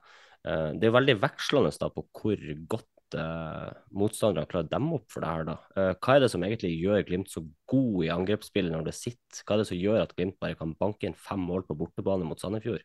Ja, Nå blir det jo litt urettferdig for dem eh, å ta den kampen, for det, det er utvisning der og de spiller med, med en mann mer. Og, og, som du sier, at Sandefjord var energiløs etter de 45 første. Men, men, når Glimt får ballen til å gå, og du får det tempoet og du får de bevegelsene. Og, og, og du får, får de her kombinasjonsspillet innimellom, så, så er det fryktelig vanskelig å, å demme opp Glimt. og De er, de er ballsikre og de er, er flinke på å se rom. og Ofte så vet de eh, hvor de har hverandre uten å måtte orientere seg og se. Så du, du kan slå en del baller i blinde. og og, og, eh, og straffe motstanderen på det. Eh, vi har jo egentlig sett et Glimt-lag som egentlig ofte har havna under i kamper den siste tida. Havna under mot Molde, mot Brann, mot Tromsø. Tapte mot Godset bl.a. Det er flere kamper der Glimt virker som har gitt bort initiativet. De blir jo snudd på nå mot Sandefjord også. Er den, er den mentaliteten som ligger i Glimt, i det å komme tilbake i kamper, ville vinne kamper, spille til 90 pluss uh, hver eneste kamp. Uh, hva sier det om laget? Det er sterkt, og det, det, er litt som jeg var inne på tidligere. Det er, det er den mentaliteten og den uh, truen du har og den følelsen du sitter inne med at ja, OK, vi, vi har det ikke akkurat nå, men vi vet at vi, hvis vi bare maler på og er tålmodig, så, så, kommer vi til å, å klare det. det, det ligger kulturen nå i, i veggene på, på, eh, på Aspmyra, og det tar de med seg på bortebane òg. Så det, det, det, det, det DNA-et deres. De har en sterk tro på at de skal klare å snu kamper når de eh, ligger under, og at de eh, skal vinne hver jævla kamp de spiller. Så det, det er nok eh, en av de største styrkene de har, det er at de klarer å dra i samme retning når, når det kniper litt. Absolutt. Og det her med DNA-et til Glimt, det, det, å ha det grunnspillet, det snakka vi jo litt om i sammenligninga med Gaute Helstrup og Tromsø. Nå forsvinner jo han Mbuka han Vetlesen har gått ut. Eh, Bassi og Gulliksen kommer inn. Kommer vi til å se noen flere større overganger inn til Glimt nå før høstsesongen? Du nevnte kanskje stopper. Trenger vi noe spiss? Hva, hva er det Glimt blir å se etter nå? Jeg tror de ser etter de rette casene og finner den rette casen eh, som kan gå inn og forsterke dem eh, umiddelbart, så kommer de til å bruke penger på det. Og, eh, jeg tror ikke de er redd for å bruke store summer på, eh, på den rette casen. Så eh, blir ikke overraska hvis det kommer inn noen ting. Hvis vi skal se, nå er vi halvveis i sesongen, hvis vi skal spå eh, slutten av sesongen, da, hvordan ser eh, eliteserietabellen ut? Eh, Hvordan ser topp tre ut, og ikke minst, eh, hvor er lagene til de her to guttene i lag med her? Hvordan ligger Rosenborg og Vålerenga an? Oi, eh, skal vi begynne på toppen, eller skal vi begynne nederst, holdt jeg på å si? Du kan få lov til å bestemme det. Uh, jeg tror Rosenborg kommer til å uh, klare seg med, med god margin. Uh, jeg tror nok uh, Vålerenga også kommer til å klatre etter hvert. og eh, Det er nok lag som både HamKam og, og Stabæk tror jeg kommer til å få det tøft utover høsten. Um, så, så uh, Sandefjord, uh, Ålesund, uh, Stabæk, HamKam tror jeg nok vil være de lagene som ligger nederst. Og så vil vi nok se Vålerenga et, et lite hakk over dem. Rosenborg som midt på tabellen, tipper jeg. Når det gjelder topp, så, så, kommer Glimt til å vinne serien. Molde nummer to, og så tror jeg Tromsø blir nummer tre. helt til slutt der og det her er jo litt sånn spørsmål som resten av Fotball-Norge eh, håper å få svar på da, den dagen han Kjetil Knutsen takker ja til en større klubb. Eh, hva gjør Glimt da? Hvordan skal Glimt egentlig bygge for videre suksess nå for mange år fremover? Ja, Det er jo et fryktelig godt spørsmål. også. Det, det har jo vært eh, ekstremt mange klubber med, som har vært linka til Kjetil nå. Han har takka nei til alt og alle som har kommet. Um, så er jo spørsmålet hvor, hvor Glimt er eh, den dagen han Kjetil uh, pakker sin sekk og drar. Er de, uh, er de en toppklubb, eller er de en klubb som har eh, mista det litt og er litt på vei nedover? Eh, det vet vi ikke. Så det, det er ganske vanskelig å, eh, å svare på akkurat det. Kan jo få samme case som når Nils Arne Eggen var ferdig i Rosenborg. Ronny Deila var ferdig i Godset. At uh, det er jo nesten en uh, trenerskikkelse det omtrent er umulig å erstatte, da, vil jeg si. Altså Du skal ha bra pondus for å, for å klare å selge inn ideene dine like bra som det Knutsen har gjort. Ja, og så er jo litt av problemet her, du blir jo sammenligna med han på alt du gjør. Eh, mm. og Det er jo litt sånn som i Rosenborg, det er jo tida før og etter Eggen. ikke sant? Det, Fortsatt så blir du sammenligna med Eggen. Du blir jo sammen, ja, du blir sammenligna med det. og eh, Du kan ikke ta 90-tallet og begynnelsen av 2000 og, og sammenligne med det, det, det i dag. Fotballen har utvikla seg, og det er eh, mye penger som har gått ut av Rosenborg òg. De har ikke den økonomien de hadde. så det det, det, er jo bare for, for Glimt sin del så, så, handler det om å forvalte de pengene eh, veldig godt. Eh, ikke gå helt bananas og bygge en stadion til to milliarder. og eh, gress på taket? Bruk, bruk dem opp, ja. Uh, så den dagen han Kjetil eventuelt drar, bør Glimt ha en god plan på hvilken retning de ønsker å gå i. Det var det vi hadde, Jonas. Skal vi gå videre? Ja, vi kan jo egentlig gå over til Vi har jo egentlig gått gjennom runden og vel så det. Vi kan jo ta oss gjennom rundens lag da, Frank. For det ble jo litt endringer helt på tampen her. Ja, men Arskan hadde vel laget klart? Arskan som har det? Det har jeg, vet du. Eh, takk for det, Jonas. Eh, vi kan jo bare frese gjennom. Eh, rundens lag, vi ligger da i en 4-2-3-1. Eh, med Selvik i mål. Og så har vi da Linnes, Reitan, Riis, Paintsill bak. Christian Onsrud uh, og Grønbekk i midten, med da Tripic, Romsås og Pellegrino. Og så har vi da Kitolano på topp. Um, Gjendal, Ruud, Brekalo, Bjørkan, Yttergård Jensen, Nypan og Bakenga på benk. Når det kommer til stjerner, så har vi da én stjerne til Reitan, To til Gunbeck og tre til Kitolano. Sterkt eh, lag der, altså. Og stor kamp om stjernene. da. Frank var litt små, småfrustrert for at ikke Grønberg fikk tre, men uh, hat trick av Kitolano på lørdag også, det, det Kitolano spiller spiss. Ja, gjør jo det, da, for så vidt. Men de møter jo Sarpsborg, ikke Sandefjord. Men, men, det er vanskelig akkurat, å si. Akkurat nå så er Sandefjord 08 og Sarpsborg 08 det samme. Eh, men vi kan gå over til rundens pluss og minus, da. Vi kan jo starte med deg og Frank. Hva er din rundens pluss? Uh, I og med at runden ikke var ferdig før i dag, så kom også rundens pluss i dag. Vålerenga snur i VAR-saken. Den er fin. Har du noe, Trond? Tja, pluss uh, så er det jo i Kitolano pluss for uh, hans innsats, men også Romsås for måten han tar utfordringa på strak arm og uh, går inn og skårer to mål uh, med, med, kort tid og forberedelse. seg. Ferskan? Rundens pluss Jeg tar også opp til Ketolano, som vi satt og så på hos deg òg. Enorm kamp. Rundens minus er åpenbart da var i Skien, eller generelt. Også Frank nevner at Vålinga snur. Vålinga snudde på medlemsmøtet i mars. Da ble det vedtatt, selv om styrelederen vår ikke har hatt lyst til å kommunisere det tidligere. Så ble det, da stemte medlemmene for uh, at vi ikke skulle ha jobbe for VAR, men vi skulle jobbe mot VAR. Resultatorientert styreleder der, altså. Jeg kan jo legge til det, da. Vi selger jo eh, merch mot VAR. Og for de som tror det, det er ikke penger som eh, vi sitter igjen med i lomma etterpå. Det, vi skal ikke tjene penger på, på eh, den kampen her. Men eh, klokka 18.00 så begynte telefonen min å dure i går, for det kom inn bestilling på bestilling på bestilling eh, så fort det ble pause i, i Skien i går. Og jeg mista tellinga på hvor mange eh, skjorter og gensere vi solgte i går, men det var mange, altså.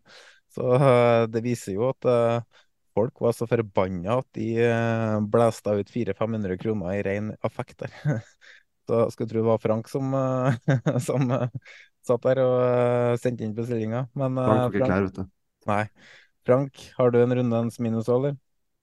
Rundens minus eh, for meg er lett å legge på flyselskapet SAS. Her hadde vi planlagt ei helg i lag og skulle på hver vår bortekamp og alt mulig. Sett på flyplassen i Bodø.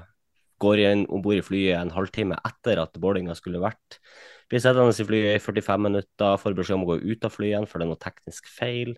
Blir stående som en ja, ja, jeg ser jo alltid ut som en løk, egentlig, men blir stående som en løk på flyplassen og ikke vite noen ting. Tikker inn en melding om at jeg er blitt ombooka til et fly som skal gå 28 timer senere. Altså, jeg går glipp av festen med dere. Jeg går glipp av eh, bortekamp i Sandefjord. Jeg får egentlig et fly som i all hovedsak skal kjøre meg til Oslo for at jeg skal sove og fly hjem igjen. Uh, ja, Uh, søndags morgen når jeg står opp, så setter jeg meg på uh, Jeg slår på telefonen og bare ringer opp kundeservice. Jeg vet det blir køventing, så jeg setter egentlig bare på høyttaler og på lavest mulig lyd, og så lar jeg den stå og vente på et svar. Etter tre timer og et kvarter så er det ikke kommet noe svar ennå, så jeg bare legger på og sender en ja, typisk Sinna-mail i stedet med screenshot av uh, udugeligheten deres og forventer at uh, etter 69 dager så blir det vel uh, å svare meg. Så mm. ja. ja. Har du en rundens minne så, Trond? Ja, det er jo at det tar sju minutter å finne ut om det er scoring eller ikke, og så presterer du å legge til seks minutter etterpå. Det er helt utrolig. Uh, jeg gir min til Snorre. Uh, jeg er litt usikker på om det uh, vi, Jeg gir ikke minus eller pluss til Snorre. Uh, han er jo generelt minus. Um, men rundens øyeblikk gir jeg til Snorre. Vi har slutta med rundens øyeblikk, men jeg, jeg, vi tar comeback på den og sier jeg den til Snorre. Uh, for vi uh, tar for en Og det glemte jeg. Magnus Holte spurte om han kunne kjøre fra Stavern til Kodal for å kjøre oss til Tønsberg. Det var han ikke gira på, så, så jeg betaler godt, og så skal jeg nevne deg i podkasten og si at du er en veldig god keeper. Så nå har jeg gjort det. Eh, men han kjørte oss til byen, og når vi kommer fram til Tønsberg, det tar halvtime, da finner Snorre ut at han har mista lommeboka si og, og uh, mobilen sin i Kodal. Så han måtte snu, eh, bli kjørt til Kodal igjen og for å hente det, og ende tilbake i Tønsberg. Går inn på Heidis, er der i fire minutter, og så dro vi. så det er rundens øyeblikk for meg. Arskan? Rask kommentar om den bilturen der. Fordi igjen tilbake til innsalget til helgen. En er det skal være i Sandefjord. Og så kommer vi til Kodalen, og så sier du det tar hvis vi drar ut til Tønsberg, det tar 10-15 minutter. Det, det sa jeg ikke, jeg sa halvtime. Jo, det sa du. Eh, minutter til Sandefjord, det. Og så sitter vi i den bilen, og turen tilbake nå, hvor eh, eh, Jenny er litt sliten foran. Eh, vi tre sitter bak, og så har vi Snorre i bagasjerommet. Så jeg har betalt 100 kroner for å være på Heidis i fire minutter. Han var så bitter. Det var, det var en lang tur, altså. Det humør på, de, på den halvtimen. Jeg jeg er fra Trøndelag. Det der er ikke en lang tur. For, eh, for eh, Trond Olsen så har det vært en eh, til naboen. da. Så, men nok om det. Vi går over til tre kjappe. Vi starter med deg, Frank. Kommer Rosenborg topp seks? Nei. Skårer Berisha flere enn fem mål i år? Nei. Blir det medalje på Brann? Nei. Negativt innstilt Veldig negativ runde nå, ja. Arskan, ansetter Lillestrøm ny trener i løpet av sesongen? Nei. Blir Jatta solgt i sommer? Nei. Beholder Molde Brynildsen ut sesongen? Ja. Yes. Endelig et ja her, altså. Eh, Trond, blir det Champions League på Molde? Nei. Kommer Vålerenga over kvalikplass? Ja. Blir det et nytt storsalg på Glimt i sommer? Ja. Oi, oi, oi. Hvem? Nei, jeg tror de kan eh, Får de rett bud på, på en viss spiss de har, så, så tror jeg han kan gå. Hva faen er det du driver på med, den dumme, feite gris?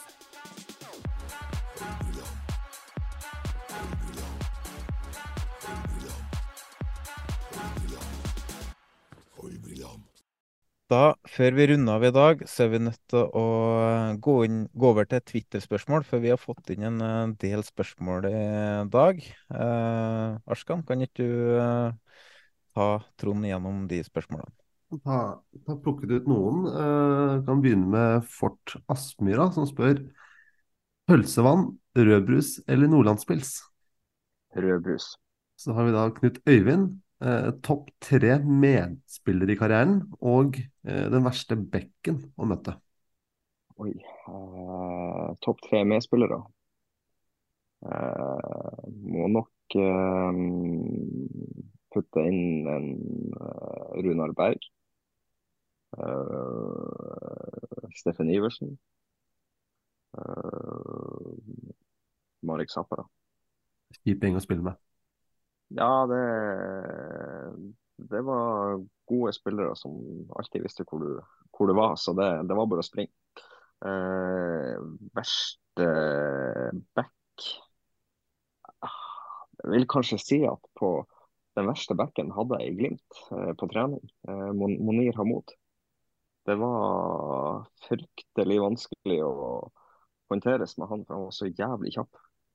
Så det var, det var et slit på trening. Du, du var ikke treg du heller?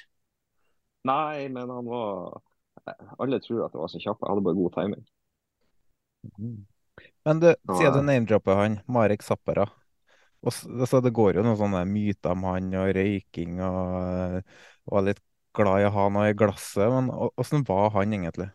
Fantastisk fyr. Eh, jeg likte han eh, veldig godt. En, en god fotballspiller som, eh, som gjerne tok seg en sigarett i ny og ne. Eh, men eh, men han var god. Å, ha, å ha en sånn spiller bak deg som, som kunne tre deg gjennom fra umulige vinkler og som, som så løpene dine, det, det er veldig deilig. Good. Eh, og så har vi da fra Per Vidar. Glimt i hjertet, men eh, er det noe fotballmessig hat til til? Eh, kun når det har vært eh, kamper oss imellom. Eh, så har det vært eh, altså Når du spiller de 90 minuttene, så er det jo et, da er det jo et hat. Og så handler det om å kaste litt bensin på bålet og, og fyre opp til, til, til derbyene. Og så eh, må man jo eh, må man jo bruke øyeblikkene til å, til å kunne mm, lage litt liv og stemning. og eh, jeg har ikke noen ting imot klubben TIL. Jeg har et veldig fint forhold til dem. og eh, jeg syns det er gøy å se at de, eh, de lykkes nå. At vi har to nordnorske lag i, i toppen av eh, norsk fotball. Det, det er veldig stort. Og så håper jeg at det er flere som tør å by litt mer på seg sjøl. Og, og stikke litt mer når du har de her derbyene. For det, det handler litt om å bygge opp til kamp. Definitivt. Definitivt. Eh, og så er det Thor som lurer på Nevn en ferdighet du gjerne skulle hatt, og en du skulle vært foruten når det kommer da til fotball. skulle hatt mer tålmodighet. Det eh, gjelder egentlig alt. Jeg skulle hatt mer tålmodighet når det var å stå igjen på feltet. Mer tålmodighet når det ja, var til å være i gymmen og til å, til å utvikle seg enda mer. Um, du sa det andre spørsmålet var? Og en uh, ferdighet du ikke skulle hatt? Du luket ut? Uh, ja, som jeg skulle ha fjerna. Uh, vært flinkere til å holde kjeft. Er det tre andre vi, treng, vi trenger jo sånne i norsk fotball som melder, da. Ole ja, Sæter enn Trond Olsen. Eh, det, det, det, kan jo godt være at eh, jeg kunne holdt litt kjeft i, i møter og ikke brydd meg om alt og alle, og bare konsentrert meg litt mer om meg sjøl. Så er det et uh, siste spørsmål, uh, fra meg i hvert fall. Uh, beste minne fra hver av toppklubbene du har vært i som spiller? Nei, hvis vi skal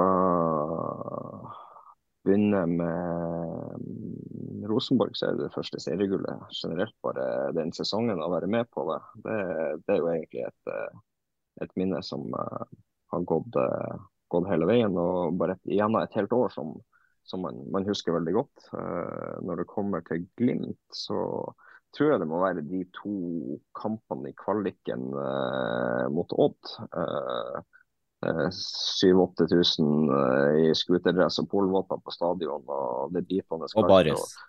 Og, og baris, ja, for, for, for noen få. Men, uh, men det, det, var liksom bare inngangen til, uh, til at vi kom til den kvalikkampen der vi snubla borte mot hva heter Sparta Sarpsborg, og vi var fryktelig dårlige frem til. For vi visste vel to-tre kamper før før eh, vi, vi, skulle spille kvalik. Det ble kvalik på oss, og så visste vi ikke hvem det, hvem det ble mot. Uh, Odd vant jo kvaliken i, i siste serierunden, uh, og, og, vi møtte dem. Så det var litt sånn Vi så jo at Odd jubla som de hadde vunnet serien, og det ga oss en, en boost inn mot de to kampene som Glimt-supporter så må jeg bare få støtte opp om akkurat de her to kampene der. Det er jo uh, minner som har brent seg fast på uh, hornhinna. Husker jo Tiago Martin skåra i Skien. Jeg husker både ditt 1-0 og 2-0-mål i den kampen, og ikke minst når du kommer raidende ned på venstresida ut i andre omgang. Du legger over til Martin, så header inn til en Runar Berg som havner opp i nettet i lag med ballen. Det, det er sånne minner man aldri blir å glemme. Nei, det, de sitter vel egentlig ganske godt i, i minnet for min del òg. Og så er det jo eh, eh, Må ikke glemme at vi fikk jo en ganske tidlig utvisning eh, i Skien. Eh, Thomas Jacobsen ble, ble, sendt ut der, og Stig Johansen og fikk eh, Tommy Svindal Larsen utvist litt et stykke ut i andre omgang. Så det var mange ting som skjedde. og vi vi fikk med oss et meget godt resultat borte og ei pangåpning hjemme. Var det alle spørsmålene, Arskan? Det var, det var det jeg hadde på menyen der. Ja, for jeg har fått inn et uh, spørsmål til, og det går uh, å spørre om uh, Polen og bremsespor. Oi. Oi, ja. Nei, det, det er en Det er en Det er en sånn todelt opplevelse. Eh, vi spilte jeg tror U19-landskamp i Polen. Eh, og hadde så jævlig vondt i magen. Eh, vi tapte 5-3, men, men, den første omgangen der det er en av de bedre første omgangene jeg har spilt. Jeg skårte, skårte tre mål, eh, og jeg satt på dass i hele pausen. Når jeg da eh, går ut og spiller andre omgang og liksom da kommer, må byttes ut, for jeg var, jeg var så dårlig da. Så, så, ser jeg bare i, i shortsen, liksom det. Den er bare brun. Så det var en, en fryktelig ekkel opplevelse i den hvite shortsen. Eh, det endte jo opp med at jeg uh, lå, lå, på natta der og, og vrei meg. og Jeg måtte krype ned fra andre etasjen og ned til legene og alt. De trodde jo blindtarmen var på vei til å sprekke. Uh, det viste seg jo at det var en, en, en, kraftig matforgiftning og jeg endte opp med at ambulansen kom i full fart og jeg fikk en sånn svær sprøyte stukket i ræva før, før, ting slapp. Så ja, det, den shortsen der, den, den ble brent. yes, da var vi ferdig med spørsmål, tror jeg, Jonas. Ja, da er vi egentlig ferdige for kvelden. Og som vanlig så bruker vi lengre tid enn hva vi har planlagt. Eh, men vi visste at i dag har vi, har vi en nordlending i studio, så da, da droppa vi egentlig tidsskjemaet og bare kjørte på, vi. Men um, vi må takke de vanlige. Eh, Jesper Orten Kjærnes og Vestfold Lydstudio for eh, jingler. Iver Steinsvik for utstyr. Jan Erik Balto for design og merch på t-shirt.no, der man nå får kjøpt var-merch eh, akkurat nå. Eh, Trond, tusen takk for at du stilte opp. Takk for at jeg fikk være med. Hyggelig. Det var veldig hyggelig. Arskan, tusen takk for at du tok deg tida. Selv. Og velkommen til podkasten. Tusen hjertelig. Frank, takk til deg òg. Jo, takk, takk. Jeg er litt sånn småsjuk, så det har vært eh, Jeg har sittet og hosta imellom eh, og myta meg selv og hosta, men eh, vi kom i mål til slutt, og det var en bra episode og gøy å få med han Trond, så Og Snorre?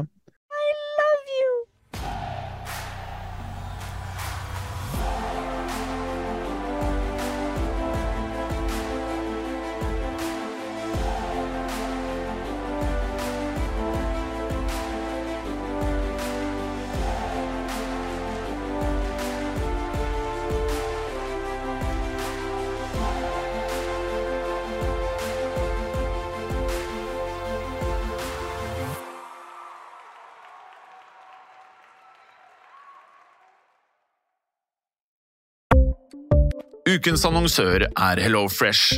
HelloFresh er verdens ledende matkasseleverandør og kan være redningen i en travel hverdag. Mange av oss har nok vandret i butikken både sultne og uten en plan for middagen, som ender med at vi går for de samme kjedelige rettene gang på gang.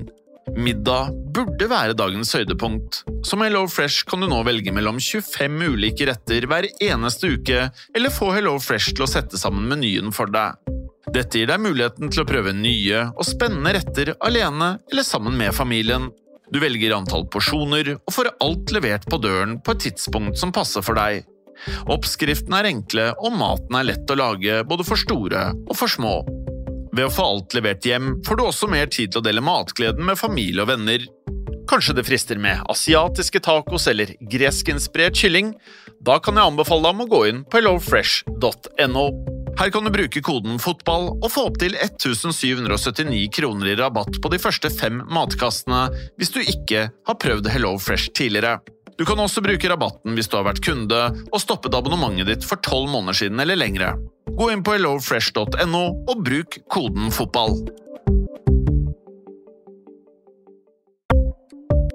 Ukens annonsør er Folio, en smartere banktjeneste for deg som har en egen bedrift eller ønsker å starte for deg selv.